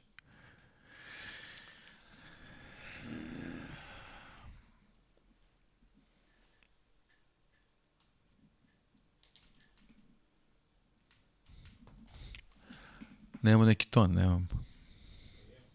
Pa da čujemo malo KTM. Eto, to, to, to, to, to, to, to. Dobro da sam zaboravio da je brza promena smera kretanja.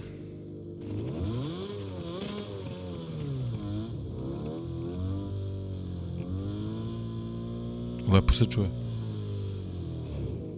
A? Za malo da poskoči na stazi. Reci. Jednog dana ćemo se smijeti i lepšati svih 194. počulo.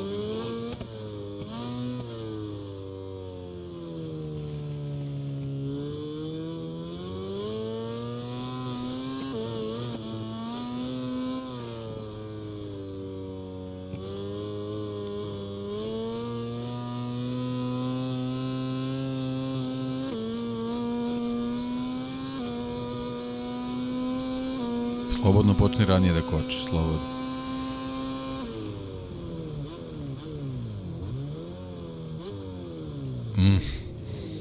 O, koliko sam ranije počeo. Dobro, još imam još jedan krug posle ovoga, tako?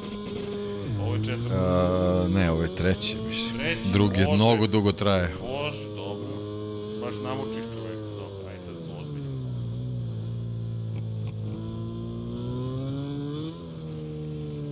Na kojoj stazi ovo zeleno beše bilo čoja? To je bila Formula 1 neka. Pa su podizali ovu tepih oko staze. Op, op, op, op. Dugi Ali, krug, ali. dugi krug, dugi to. Ali, ali, ali, ali. To. Na 62 stepena ga spuštaš, čoveče. Joj, majko mila. Hvala ti, deki. Ovo ni Bridgestone ne bi izdržao.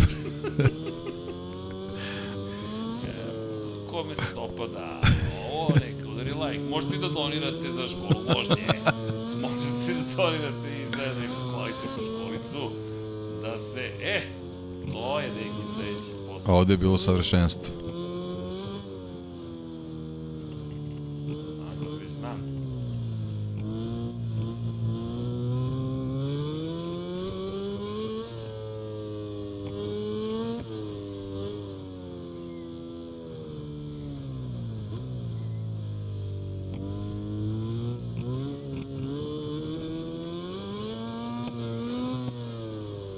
Mm. Krug, drugi krug, drugi krug.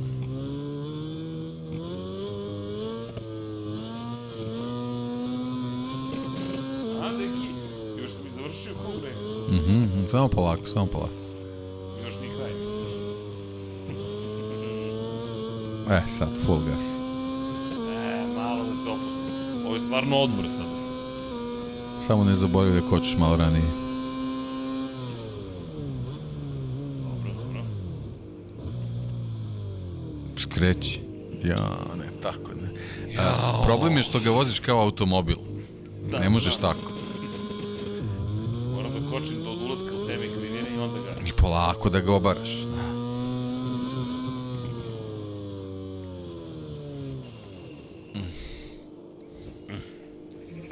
I upamtite, nosite zaštitnu opremu, molim vas.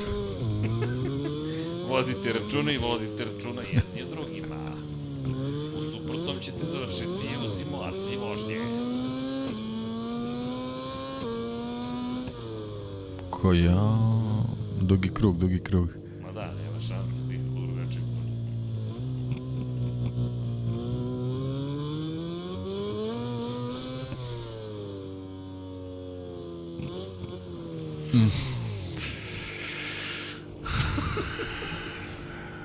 Okej. Marquez Mugello 2013. Mm. Dobro, pokušao sam.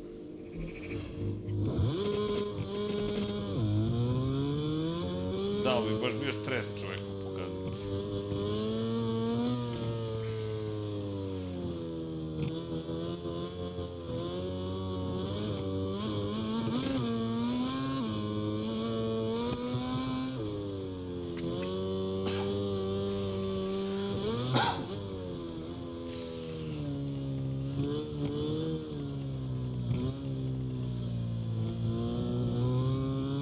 A, neki, opa, a?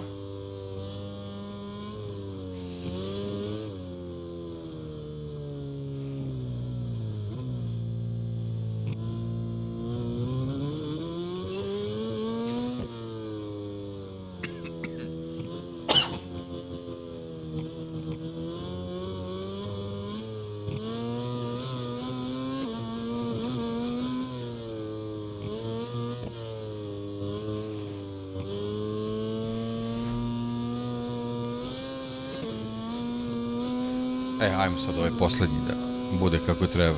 Koči Dobro. na vreme i obaraj ga polako. Kada koči sad koči? Čim prođe senka. Sad. To, Srki. Odmah obaranje ode. Obaraj, obaraj, obaraj, obaraj. Ja.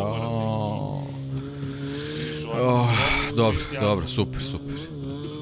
Obaraj. Ja, dobro. Ja obaram Polako, obaraj. Ja, dobro.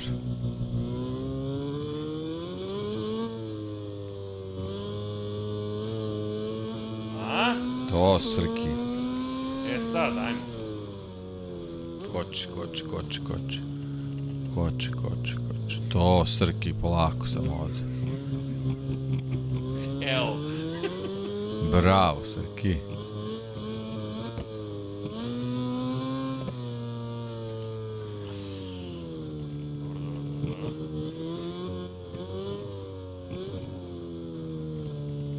Cilja teme ko ono kad se kače na međunarodnu svemirsku stanicu, znaš, ono. sa onim joystickom kad jure. Ne, ovo si usavršio, nema, nema šta, ovo, ovo ti je najbolja krivina u igrici cele. E sad ode već malo, e, bruf, perfekt, to je to. Ali pazi, Zarko je tu padao, tako da sve okej. Okay. Ovaj prelaz mi ne znam, da. tamo široko odeš, ali vidi, lagano, neću... Pa da li ova staza ima više putanja, tako nemoj uopšte da gledaš ove tačkice, nebitne su potpuno.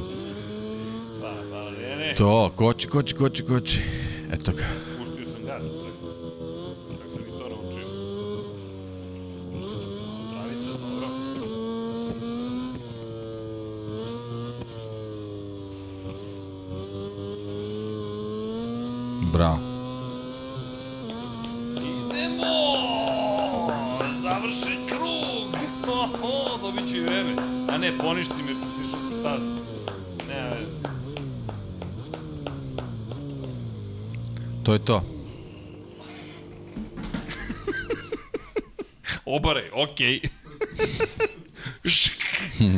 I tako. To bi bilo to. KTM nove delove da pravi za sve ovo. I tako. Odlično. Eto, sutra Da, probat ćemo da nađemo novu, pa ćemo da vidimo. eto. Da. ja. mm. Koleginica iz prodaje pala u depresiju. Op, ozbiljnu depresiju. Čekaj da, da ovo ugasimo. A ja čujem ovo. Aj, jako, aj, dobro. Pa dobro, slušalice su. Kako? Ja. I tako. To je to. E, dragi ljudi, ako nemate više pitanja... Vidimo se sutra. Realno, vidimo se sutra. Tako Ej, je. ljudi, sad samo e, šalu na stranu, ali ukoliko ste u mogućnosti sutra Delta City 17 časova 30 minuta, 8, do 18 časova i 30 minuta, što u našem svetu znači ko zna do kada, jel te, budimo realni, bit ćemo u Beogradu, Delta Cityu, pored bolida Red Bulla RB14 iz 2018. Gospodin Dejan Potkonjak, gospodin Pavle Živković, tamo negde, što kaže Deki i moja malenkost, tako da znate, tu se družimo sutra. U petak, ni manje ni više, znam da je Moto Grand Prix danas, ali ljudi, ne zamerite na uzbuđenosti, imaćemo Lab 76, vaš Lab 76. Dakle, od te emisije u parkiću sa šahovskom tablom i GoProm i H, Zoom H6 snimačem i mikrofonom, zahvaljujući vama, bukvalno, bukvalno zahvaljujući vama, naravno svima koji su ovde svaki dan, dolaze, prolaze, odlaze i, i čine stvari toliko lepim, Dejan Potkonjak posebno, Pavle Živković posebno, Vanja, koleginica iz prodaje, ko, koleginica zvana Azbuka, toliko stvari radi. Luka, ne znamo ko je Luka, on je tu, ali tu je, pojavio se prethodnih par meseci, ali bez obzira, on je sa nama već dugo vreme kroz ekran i svi koji su prošli ovde, dobili smo priliku da budemo prva emisija koja ima bolid Formula 1 na, na dan praktično i moći će da pravi svoju emisiju, pored tog bolida, to meni dalje zvuči toliko nestvarno od... Ali šta, šta vam Neko kažem? ima stan na dan, a mi... Mi imamo bolid Bolid. na dan. O, deki! I to su mnogo lepe stvari, to su bukvalno, mi smo sebi dali novi naziv. Nije ni novi naziv, potpis smo smislili za knjigu, a to je mesto gde se žive snovi. E, to vam je studio na kraju univerzuma, mi negde živimo svoje snove i neverovatno nam je, evo je knjiga Kimira i Konena prevedena, evo ga Ayrton Sena koji je napisao Dejan Potkonjak, eno ga neko je pitao upravo za Rosija, ja mogu ponosno da vam kažem da smo mi završili sve pede, sve, sve, sve, sve, sve, sve, sve, sve, sve, sve, sve, sve, sve, i ja kad odim, ja, ja sam najzad srećan po tom pitanju, mislim da ću u biblioteku ovih dana da vidim šta ima od knjiga, šta još treba da se nabavi, ali u svakom slučaju ljudi, RB14 je naš u petak i bit ćemo uživo sa vama, Naredne nedelje nastavljamo standardno, znači što se tiče Lepa 6, Lep 76 utorkom Formula 1, sredom Moto Grand Prix. 99 yardi, nemam pojma šta ćemo za 99 yardi, 99 yardi u petak, pošto otimamo pola studija, ali ljubitelji NFL-a i američkog futbola generalno smislit ćemo nešto, nema ništa da brinete. Naravno, budite sa nama, like, subscribe i sve ostalo i naravno nećemo se pozdraviti tek tako dok ne pročitamo sva vaša imena, pogotovo sada kad smo ovako uzbuđeni, ne zamerite na uzbuđenju, ali Nadam se da ga makar delimo sa vama ako ništa drugo, jer to je jedan od takođe ciljeva. I da se zahvalimo. Neću u padežu da mi ne bude teže, već umor stiže, stiže čoveka u Leave me alone, I know what I'm doing majci. Leave me alone, I don't know what I'm doing. Ali, u, to je majica. Leave me alone, I don't know what I'm doing. Uuu!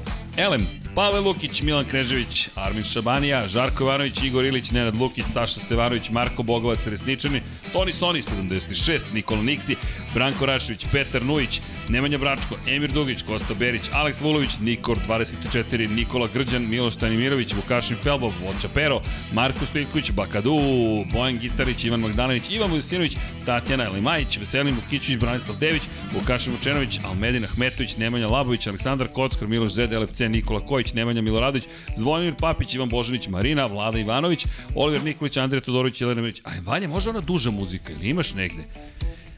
Žarko Reć, Igor Ilić, Nenad Lukić, Saša Stevanović, a ne, to sam već pročitao, vratio mi se scroll. Nemanja Labović, Aleksandar Kockar, Miloš Zed, LFC, Nikola Kojić, Nemanja Miloradović, Zvonimir Papić, Ivan Božanić, Marina, Vlada Ivanović, Oliver Nikolić, Andrija Todorović, Jelena Jeremić, Kalabi, ja, Aleksandar Nikolić, Petar Bijelić, Milorad Reljić, Nemanja, Bojan Markov i Danilo Petrović. Zatim prelazimo na knjigu koja se zove Ayrton Sena Put ka savršenstvu. Zašto? Zato što tamo imate mogućnost da nađete i vaše imena. Ko su nam Patreoni? Pa, vi ste naši Patreoni, svi koji ste ovde, Dakle, Patreon je samo, ne samo, jedan veliki korak još napred za nas. shop.infinitylighthouse.com nas pomaže da postojimo. Svi naši sponzori, hvala im za sve ovo. A sada, Ozren Prpić i Jelena Jeremić. Ozren Prpić, numero uno. Moramo da napravimo majicu. Numero uno, Patreon, Lab 76. Gledam me koleginici iz prodaje, šokirano. Zatim, Sava, Ivan Toškov, Stefan Dulić, Mladen Krstić, Marko Mostarac, Marko Bogovac, Nenad Divić, Toni Ruščić, Ivan Maksimović, Zoltan Mizej, Mario Vidović, Miloš Banduka, Aleksa Vučić, Zoran Šalamun, Ivan Simović, Predrag Simić, Đorđe Radović, Mihajlo Krgović, Filip Banovački, Nikola Božinović, Nenad Đorđević, Miroslav Vučinić, Monika Erceg, Omer Kovačić, Aleksandar Gošić, Jelena Mak, Luka Saović, Žorž, Stefan Vidić, Mlađan Antić, Marko Ćurčić, Borko Božunović, Milan Nešković, Bojan Mijatović, Petar Relić, Nenad Simić, Boris Gvozden, Andrej Božo, Josip Kovačić, Mirina Živković, Boris Golubar, Đorđe Andrić, Zorana Vidić, Luka Maritašević, Ljubo Đurović, Miloš Vuletić, Dušan Ristić, Marina Mihajlović, Nemanja Miloradović, Vukašin Vučenović, Đole Bronkos, Miroslav Cvetić, Stefan Milošević, Antonio Novak, Jesenko Samrđić, Nikola Stojanović, Mihail Stamičar, Zoran Majdov, Nemanja Jeremić, Stefan Nedeljković, Lazar Pejović, Jan Gajan, Aleksa Jević, Tijana Vidanović, Boris Kojundžić, Aleksandar Antonović, Nemanja Zagorac, Dejan Vujović, Aca Vizla, Milan Ristić, Igor Vučković, Vukašin Jekić, Igor Gašparić, Aleksandar M, Žarko Milić, Branko Bisački, Dejan Đokić, Bahter Abdurmanov, Bojan Markov, Alen Stojčić, Ognjen Urganović, Ertan Prelić, Andrija Todorović, Emir Mešić, Miloš Todorov, Pavle Njemec, Đorđe Đukić, Vanja Radulović, Vladimir Petković, Vladimir Filipović, Aleksandar Jurić, Strahinja Blagović, Depressed, Cody Garpan Fent, Jovan Jordan, Stefan Stanković, Boris Erce, Katarina Marković, Ivan Panajotović, Ivan C, Dimitrije Mešić, Mišić, Veselin Vukićević, Andrej Bicok, Nebojša Živanović, Andreja Branković, Nenad Pantarić, Jugoslav Krasnić, Vlada Ivanović, Stefan Janković, Aleksandar Banovac, Miloš Adosavljević, Grgo Živeljić, Matija Rajić, Zoran Cimeša, Petar Nujić, Danijelević, Ferenc Laslofi i 19 tajnih pokrovitelja. Hvala svima i opet naši snovi da pričamo najlepše i najromantičnije priče sveta sporta, nauke, tehnike, ljubavi života, tako to počinje i Ovo je studio na kraju univerzuma, mesto gde se žive snovi. Ovo je ekipa Lab 76 u 194. izdanju uz autora najmanje dve knjige i budućeg autora najmanje jednog potpisa, šalim se knjige i autora koji piše knjigu o Waterpolu negde je u etru, ne znamo tačno gde, Pavla Živkovića, Vanja, koleginici iz prodaje, Dom Pablo je tu, je li otišao ili došao? Mi tu. Don Pablo nas ignoriše već par nedelja, o tome ćemo da razgovaramo, a tu nam je i Luka, ne znam gde je nestala Tamara, beše tu, više nije. Želimo vam laku noć, 917, pošaljite na 3030, Human 917 455. Ne zaboravite, danas je rođendan Fabio Quartararu, nažalost, danas je godišnjica kada smo izgubili da je Džira Kata, ali pamtimo da je Džira broj 74 živi uvek, ovde takođe žive uspomene, sve oni koji su nas napustili od kada postoji i ova emisija kada postojimo svi zajedno, pamtimo ih, tu nam je i naš Nemanja Cerak 46, nećemo ga zaboraviti. Zašto? Zato što, što kažu Meksikanci, dok pamtimo, oni žive.